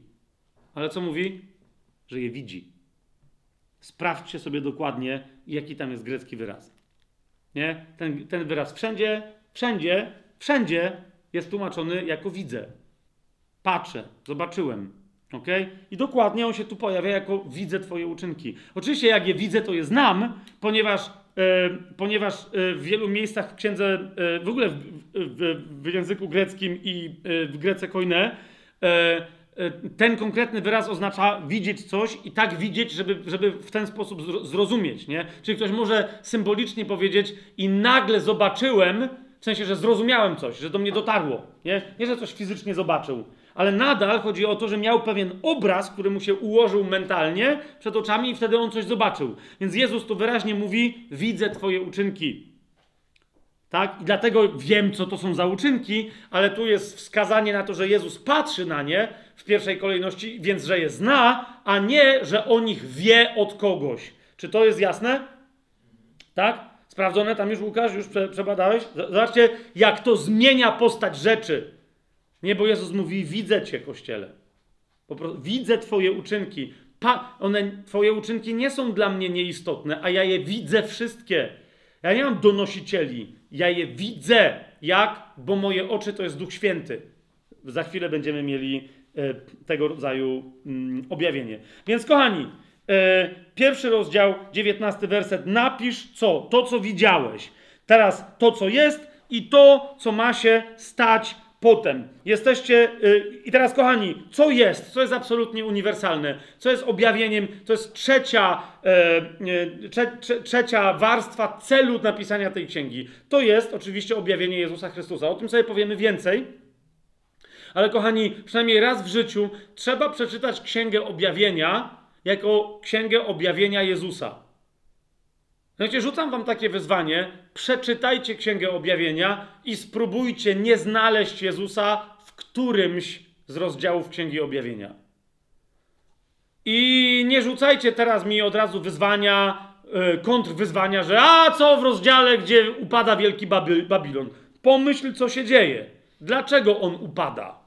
Nie? Czy to jest jedyny rozdział, który mówi o tym upadku, czy też ten yy, upadek następuje dlatego, że coś leci z nieba, co się dzieje, kto rzuca, czym, dlaczego z nieba na ziemię, co się dzieje? Nie? Czy w rozdziałach, w których nie ma Jezusa, zdawałoby się, bezpośrednio opisanego jego lub jego akcji, czy naprawdę nie ma Jezusa? Czy też yy, widzisz tylko yy, opis wcześniej już opisanych mocy Jezusa i działań Jezusa, które dokładnie w taki, a nie inny sposób wyrażają się na ziemi. Czy to jest jasne? Nie? Teraz, kochani, muszę dodać jeszcze jedną rzecz. Objawienie Jezusa jest z automatu objawieniem się właściwego małżeństwa, które jest wzorcem dla wszystkich innych małżeństw, a więc jest objawieniem małżeństwa Jezusa z Kościołem, więc nie ma objawienia Jezusa bez objawienia Kościoła. Nie ma objawienia Jezusa, jeszcze raz powtórzę, bez objawienia Kościoła. Tak? E, Jezus z Kościołem jest jednym ciałem, Jezus z Kościołem jest jednym ciałem, a to oznacza, że to jedno ciało od początku do końca w Księdze Objawienia się manifestuje. Jeżeli my tego nie rozumiemy, no to na przykład 12 rozdział Księgi Objawienia będzie dla nas kompletnie niezrozumiały. Jedni w tym, w tym rozdziale będą widzieć jakąś Matkę Boską, takiego czy innego rodzaju, inni będą widzieć inni będą widzieć Izrael i tak dalej. Dlaczego? Bo, no bo nie będą rozumieć, e, kim jest mężczyzna, którego rodzi tamta kobieta. Rozumiecie? Tamta kobieta z, księgi 12, e, z 12 rozdziału Księgi Objawienia, która rodzi tamtego mężczyznę, którego rodzi, tak? Jest dokładnie jedną i tą samą osobą, tylko w dwóch różnych swoich stadiach. I to ma wszystko wspólne z Kościołem, a nic wspólnego inaczej, pierwszorzędnie z Panem Jezusem, dopiero w drugorzędnie, akurat w tamtym rozdziale. Jak my to zrozumiemy, to wtedy zobaczymy dopiero, aha, aha, to jest Pan Jezus, a to nie jest Pan Jezus. Aha, a to nie chodzi o jego matkę, to nawet nie chodzi o jego naród, bo tu w ogóle nie ma mowy o kimkolwiek, kto jest na ziemi, bo ta kobieta pojawia się na niebie. Halo! To więc to jest inna rzeczywistość. No właśnie, ponieważ Paweł powiedział, że nasza matka jest w niebie, a nie na ziemi. Więc hello, i to rozumiecie, w czasach, kiedy jeszcze Matka Boska, e, która nie wiedziała, że jest Matką Boską, czyli Matka Jezusa, nie, nawet się nie zanosiło na to, że jeszcze prawdopodobnie, żeby miała umrzeć, a co dopiero być w niebo wziętą i stać się jakąś dziwaczną królową nieba i ziemi. Zwłaszcza kiedy my wiemy, że królem nieba i ziemi jest Pan Jezus, tak? Więc wiecie o co mi chodzi? Ale inni zaczynają kombinować, odwracając wszystkie perspektywy biblijne. No i tyle. Jeszcze raz, Księga ta jest księgą objawienia Jezusa, jego przeszłości, teraźniejszości i przyszłości, całej oraz jego oblubienicy, jej początków i całej jej przyszłości. Czy to jest jasne? Tak? I dopiero w następnej kolejności, kochani, na samym końcu Księga Objawienia jest księgą proroczą. Ona jest prorocza, bo objawia tajemnicę tego, co jest i tego, co ma się stać potem. Jasne? A więc najpierw objawia to, co jest, co jest faktem uniwersalnym na zawsze, tego, który był, który jest i który właśnie powraca, który właśnie nadchodzi, oraz ma też objawić rzeczy, które nadejdą. Jasne? Mamy to jasne? Teraz, kochani, bardzo szybko przedstawię Wam plan Księgi Objawienia. Bardzo szybko, naprawdę bardzo szybko. I to będzie koniec naszego dzisiejszego rozważania, ale proszę, żebyście usłyszeli, co mówię. Czemu nie jesteśmy zdziwieni, e, mam nadzieję, kiedy powiem, że Księga Objawienia jest księgą skonstruowaną na mocy chiazmu. I na wzór chiazmu, i to chiazmu wstępowania na górę, wstępowania z góry. Tak? Nie jesteśmy zdziwieni. Bardzo się cieszę. To teraz plan Księgi Objawienia. Mamy trzy duże części wstępujące i trzy duże części wstępujące analogicznie. Ok? Analogicznie. Popatrzcie na to. Księga Objawienia, pierwsza jej część to jest, y, nazwijmy to sobie ogólnie, wprowadzenie tak, do całej księgi. I to jest rozdział pierwszy. Analogicznie, ostatnia, szósta część Księgi Objawienia to nie jest 22 rozdział, ale część 22 rozdziału, bo według mnie ktoś tam się machnął i w ogóle w niewłaściwym miejscu sobie w pewnym momencie rozdział postawił, tak? Ale chodzi mi o to, że koniec Księgi Objawienia, 22 e, rozdział od 5 wersetu, z tego co pamiętam, do samego końca, to to powinien być właściwy 22 rozdział, tak? E, zaraz wyjaśnię dlaczego. No w każdym razie to jest szósta część Księgi Objawienia i to jest wyprowadzenie z Księgi Objawienia, która wszystkie wątki swoje ma dokładnie te same, e, co w pierwszym rozdziale. Analogicznie, bo to jest chiasm. On jest najniżej. Pierwszy rozdział to jest pierwsza część Księgi Objawienia i ostatni rozdział to jest ostatnia część Księgi Objawienia. Pierwsza i szósta. Jasne? Dobrze. Teraz, e, jakie to są elementy, to za chwilę możemy sobie powiedzieć. E, na przykład to jest błogosławieństwo, na przykład to jest wyznanie samego Jezusa, że już wraca i tak dalej, i tak dalej. Zobaczcie, że, że zobaczcie, jakie rzeczy się dzieją od 5 wersetu do końca 22 rozdziału i zobaczycie, że one mają swoje analogiczne teksty wprost w pierwszym rozdziale Księgi Objawienia całym. Czy to jest jasne, co ja, co ja teraz mówię? Rewelacja. I teraz, kochani, więc pierwsza część Księgi Objawienia to jest wprowadzenie, rozdział pierwszy. Druga część Księgi Objawienia mówi o tym, co jest, co ma miejsce teraz. I to są rozdziały drugi i trzeci. To są rozdziały drugi i trzeci. W przyszłym tygodniu i dalej będziemy sobie tłumaczyć, co to znaczy. W pierwszej bezpośredniej, e, w pierwszym bezpośrednim sensie to znaczy, że drugi i trzeci rozdział to jest zwrócenie się Jezusa do konkretnych historycznie w czasie, kiedy Jan otrzymał to objawienie kościołów Azji. W Teatyrze, e, w Filadelfii, w Laodycei tak. Tak Jasne? Niemniej to też ma swoje znaczenie, ale w każdym razie, jak w pierwszym rozdziale, w 19 wersecie dostał rozkaz, Jan, napisz to, co widziałeś, co widziałeś, to, co jest i to, co dopiero ma się stać potem, to drugi i trzeci rozdział mówi o tym, co jest. Czy to jest jasne? Mówi o tym, co jest. Drugi i trzeci rozdział. Wielu od razu zwraca uwagę na co? Yy, I ja się też z tym zgadzam. To jest na przykład moje stanowisko, że w każdym wieku, kiedy chrześcijanie czytali Księgę Objawienia, kiedy czytali drugi i trzeci rozdział, mieli historię o tym, co było teraźniejszością Jana, ale też moja teza jest taka, będziemy jej bronić w przyszłości dopiero, ale moja teza jest taka, że w każdym pokoleniu chrześcijanie w drugim i trzecim rozdziale mieli opis, całym drugim i trzecim rozdziale mieli opis aktualnie funkcjonującego kościoła. Okay? Taka jest moja teza, że w każdym, że drugi i trzeci rozdział nie pokazuje po kolei każdy z kolejnych kościołów, kolejnych epok historii kościoła, ale że de facto to jest taki, że tak powiem, psychotest. Zgadnij, z którego kościoła jesteś. Rozumiesz? I teraz czytasz siedem kościołów, który z opisów najbardziej pasuje do twojego kościoła. To właśnie jest list do ciebie w tym wieku. Rozumiesz, o co mi chodzi? W każdym wieku, według mnie, przyjrzyjcie się dobrze tym listom, istnieją jakieś części ciała Chrystusa charakteryzowane e, przez tych siedem listów. I teraz, kochani, teraz, kochani, to jest druga część. Mamy to?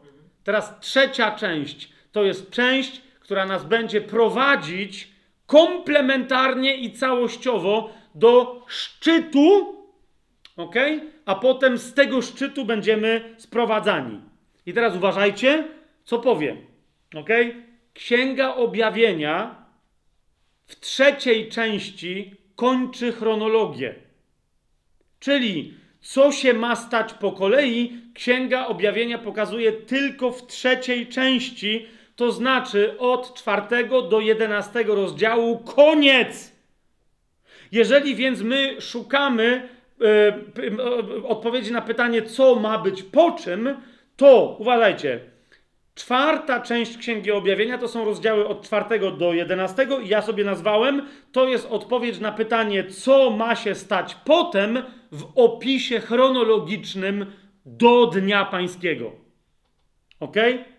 W opisie chronologicznym do Dnia Pańskiego. A więc w czwartym rozdziale jest opisane coś, co będzie miało miejsce przed tym, co jest opisane w szóstym rozdziale. To, co jest opisane w szóstym, będzie miało miejsce przed tym, co jest opisane w ósmym i tak dalej. Ma to sens, co ja mówię? I dlatego zauważcie, tam się pojawiają poszczególne rzeczy. Na przykład baranek łamie pieczęci i dzieją się pewne rzeczy. I to jest jasne, że jak on łamie drugą, to znaczy, że najpierw złamał pierwszą, ale jeszcze nie złamał trzeciej. Tak? I to się dzieje po kolei. Rzeczy, które te siódemki, które się pojawiają, trąby, które grają, yy, grają na których yy, trąbią aniołowie, dzieją się po kolei. Jasne?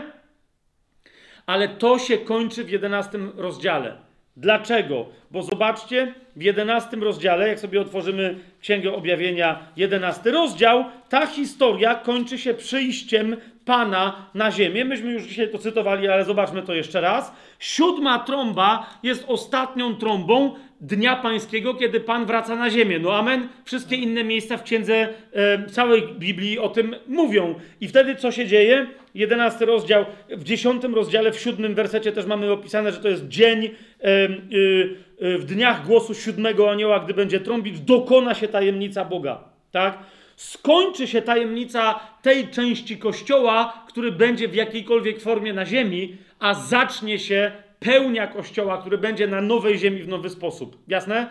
To będzie koniec, przestanie być tajemnicą, cokolwiek było jeszcze do tej pory dla kogokolwiek tajemnicą. Ale jedenasty rozdział kończy nam całą tę historię, mówiąc w piętnastym wersecie o tym ostatecznie, że kiedy, że więc wreszcie ten siódmy anioł zatrąbi, zatrąbił, odezwały się donośne głosy w niebie, mówiące: Królestwa świata stały się teraz wszystkie jednym naszego Pana i Jego Chrystusa, który odtąd będzie królować na wieki wieków. Czy to jest jasne? Czy to jest jasne? I ostatecznie to się dzieje na ziemi, on wstępuje na ziemię, w niebie otwiera się świątynia, dzieją się pewne rzeczy, ale jeszcze raz, to jest koniec chronologiczny. Tak? To w takim razie co się dzieje od 12 rozdziału? Otóż, kochani, od 12 rozdziału aż do rozdziału 19. Teraz zauważcie, od 4 do 11 rozdziału mamy ile rozdziałów? Czwarty, piąty, szósty, siódmy, ósmy, dziewiąty, dziesiąty, jedenasty. Osiem rozdziałów. Zgadza się? Od 12 rozdziału musimy mieć tyle samo rozdziałów, żeby było i tak jest, żeby chiasm był dokładnie dokończony. Czyli mamy rozdział 12, 13, 14, 15, 16, 17, 18, 19 to jest koniec. Tak? Co to są rozdziały od 12 do 19? To jest czwarta część. Jeszcze raz. Skoro trzecia część to jest odpowiedź na pytanie, co ma się stać potem, ale do Dnia Pańskiego, w opisie chronologicznym, to czwarta część mówi, odpowiada nam na dokładnie to samo pytanie, czyli co ma się stać potem do Dnia Pańskiego, ale roztrząsa poszczególne tematy. Jasne to jest? Roztrząsa poszczególne tematy. A zatem, jeżeli nawet się pojawiają na przykład czasze gniewu pańskiego, których jest siedem, w tej e, czwartej części, to uważajcie, one, zwróćcie na to uwagę, nie pojawiają się jedna po drugiej, ale pojawiają się naraz. Tam nie ma chronologii żadnej. Tam nie ma, rozumiecie, że e, w dwunastym rozdziale najpierw pojawił się wielki cud na niebie, a potem to. Tam nie ma chronologii, że to jest jasne, tak? Więc kiedy rozważamy Biblię, Księgę Objawienia od 12 do 19 rozdziału, nie róbmy z tego dalszej części historii, ponieważ te rozdziały uzupełniają nam historię i odnoszą się do rzeczy opisanych w rozdziałach od 4 do 11. Czy to jest jasne? Teraz jest pytanie, które z tych rzeczy, bo one się nie odnoszą po kolei. Tak? A więc niektóre tak, niektóre nie. Które z tych rzeczy do czego się odnoszą? Ale jak zauważycie, mamy yy, yy, na przykład w rozdziale yy, 18, czy nawet 17, ale 18 upadek Babilonu, to to jest tylko e, rozpisane szczegółowo wydarzenie, które jest już wcześniej opisane między 4 a 11 rozdziałem. Czy to ro- rozumiecie, co jest grane? Masa ludzi nie rozumie tej kwestii, że historia do Dnia Pańskiego, opisana chronologicznie, jest tak, w ten sposób opisana tylko od 4 do 11 rozdziału. Tak? Cała reszta, pamiętajcie, trzeba złapać, do którego miejsca tego chronologicznego opisu, które z rzeczy opisane między 12 a 19 rozdziałem się odnoszą. Jasność? Oczywiście, jeżeli jest powiedziane, że ten anioł stąpi tam w pewnym momencie w, w dziesiątym rozdziale i będzie na ziemi tam ogłaszał pewne rzeczy, to jasne, że to jest dziewiętnasty rozdział, kiedy Jezus z tymi swoimi nogami ląduje na ziemi, ma rozpalone e, z ogniem oczy i zaczyna sądzić ziemię i tak dalej, i tak dalej, i tak dalej. Nie? To jest dodatkowy opis, ale czegoś, co chronologicznie możemy umiejscowić tylko w rozdziałach od czwartego do jedenastego. Jasność? A zatem pierwsza część to jest wprowadzenie, rozdział pierwszy. Druga część to, co jest. Rozdziały drugi i trzeci. Tak? Trzecia część to, co ma się stać potem do Dnia Pańskiego. Chronologicznie rozdziały od czwartego do jedenastego. Jeszcze raz te same tematy przerobione, ale nie chronologicznie, czyli jeszcze raz to, co się ma stać potem tematycznie do Dnia Pańskiego, werset, rozdziały od 12 do 19. Część piąta, analogicznie do co jest teraz, jest Kościół, który się wyraża na siedem różnych sposobów. Tak? Mamy część piątą, co jest w nowym teraz, po dniu Pana. I to są znowu dwa rozdziały, a ściślej rzecz ujmując, rozdział 21, przepraszam, rozdział 20, 21 i 22 do wersetu 5. Ponieważ y, zauważcie, że, y, że tam się kończy opis z 21 rozdziału. Więc de facto, wiecie, jak czasem niektórzy mówią, że no, bo ktoś tam, niektórzy wrzucili nam. y, wiecie, że Słowo Boże jest natchnione, ale podział na rozdziały i wersety nie jest natchniony. Tak? Bóg nie objawił, że to jest werset 17, albo że to jest rozdział 13. Tak? To już ludzie zrobili, to nie jest natchnione, więc dlatego ja tu nie przeczę czemuś, tylko tu naprawdę ewidentnie ktoś nie zajarzył, że 21 rozdział powinien się skończyć tu, gdzie mamy piąty werset dopiero 22 rozdziału. Mamy znowu dwa pełne rozdziały, które opowiadają o czym? O tysiącletnim królestwie, widzicie to? I o charakterze nowej ziemi i nowego nieba oraz niebieskiego Jeruzalem, to jest rozdział 21. Rozdział 20, tysiącletnie królestwo, 21, charakter nowej ziemi i nowego nieba, ale jeszcze raz pamiętajcie, że skoro to jest po ogłoszeniu, że od tej pory czasu nie będzie, takiego jak my rozumieliśmy, to pamiętajcie, że nowe niebo i nowa ziemia nie są po tysiącletnim królestwie. Zresztą to by się nie zgadzało na przykład z tym, co mówi Piotr, ale też wiele innych fragmentów, że dzień Pana będzie jak rozpalony piec i on zniszczy w żywiołach starą ziemię w wielu miejscach Biblia mówi, że to nie znaczy, że kompletnie zniszczy ziemię, ale jakby wszystko to, co stanowiło żywioły starej ziemi. Jasne? I wszystko będzie wyglądać ym, inaczej.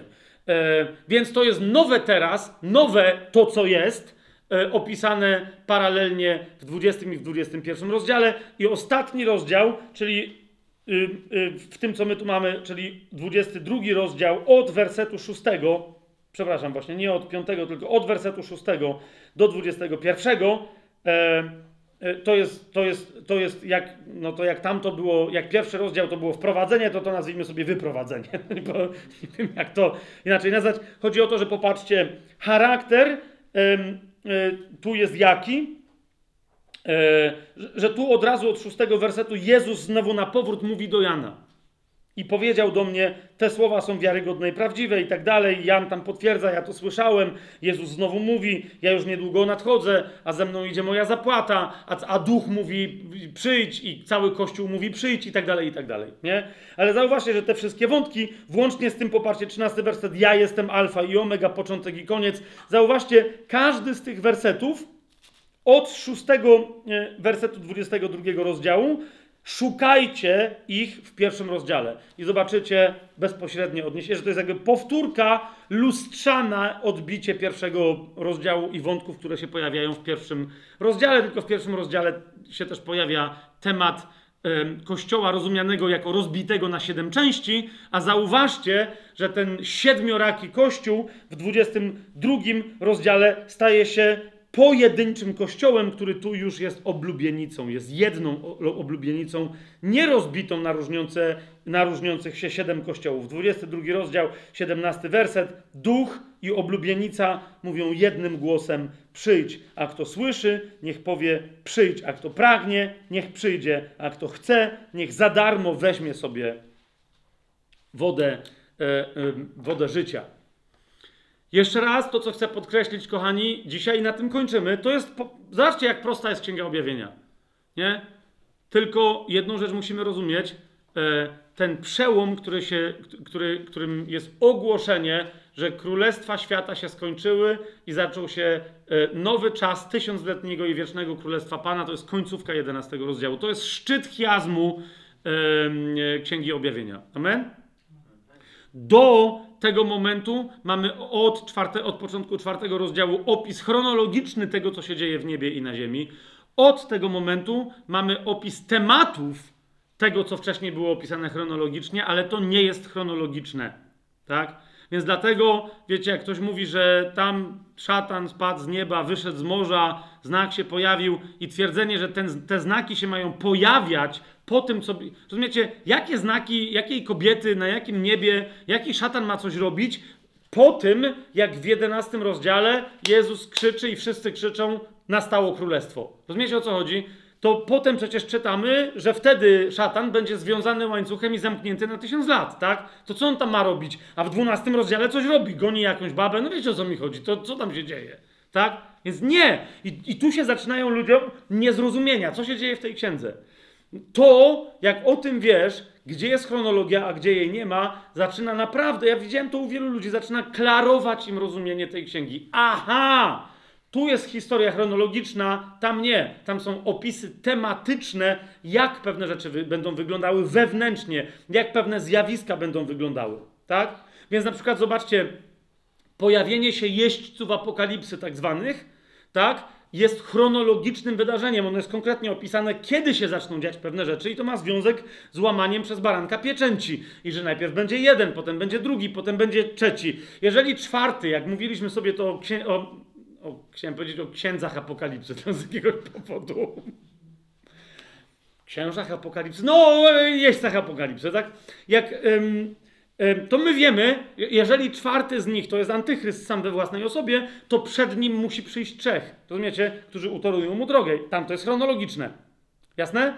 Ale opis z 12 rozdziału Księgi Objawienia o tym, jak będzie wyglądać ucisk, nie jest chronologiczny. To jest jasne, tam jest opisana, jak to będzie wyglądać, jak rzeczy będą ludzi dotykać, a nie co będzie po kolei. Bo jak on już się objawi, to on prawdopodobnie od razu będzie nalegał na to, żeby ludzie przyjęli e, znamie bestii i tak dalej, i tak a nie dopiero pod koniec swojego panowania, jak niektórzy, którzy chcą chronologicznie 12 i 13, bo to 13 rozdział jest, e, 12 i 13 rozdział Księgi Objawienia, rozumie, że mówią, że dopiero pod koniec e, wielkiego ucisku się pojawi znamie bestii. Dlaczego? No bo to jest pod koniec e, 13 rozdziału, ale to, że to jest pod koniec, tam nie ma chronologii. To jedno z drugim nie ma wspólnego. Chronologia jest do, od 4 do 11 rozdziału. Jasne? Teraz więcej o objawieniu Jezusa Chrystusa, o objawieniu Kościoła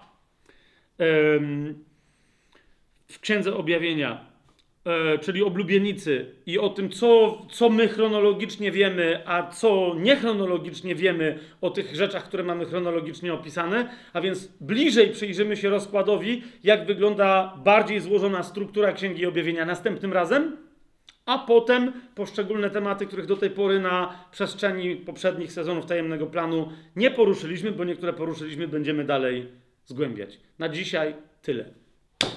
Całuski, ściskuski dla wszystkich z wyjątkiem księży apokalipsy.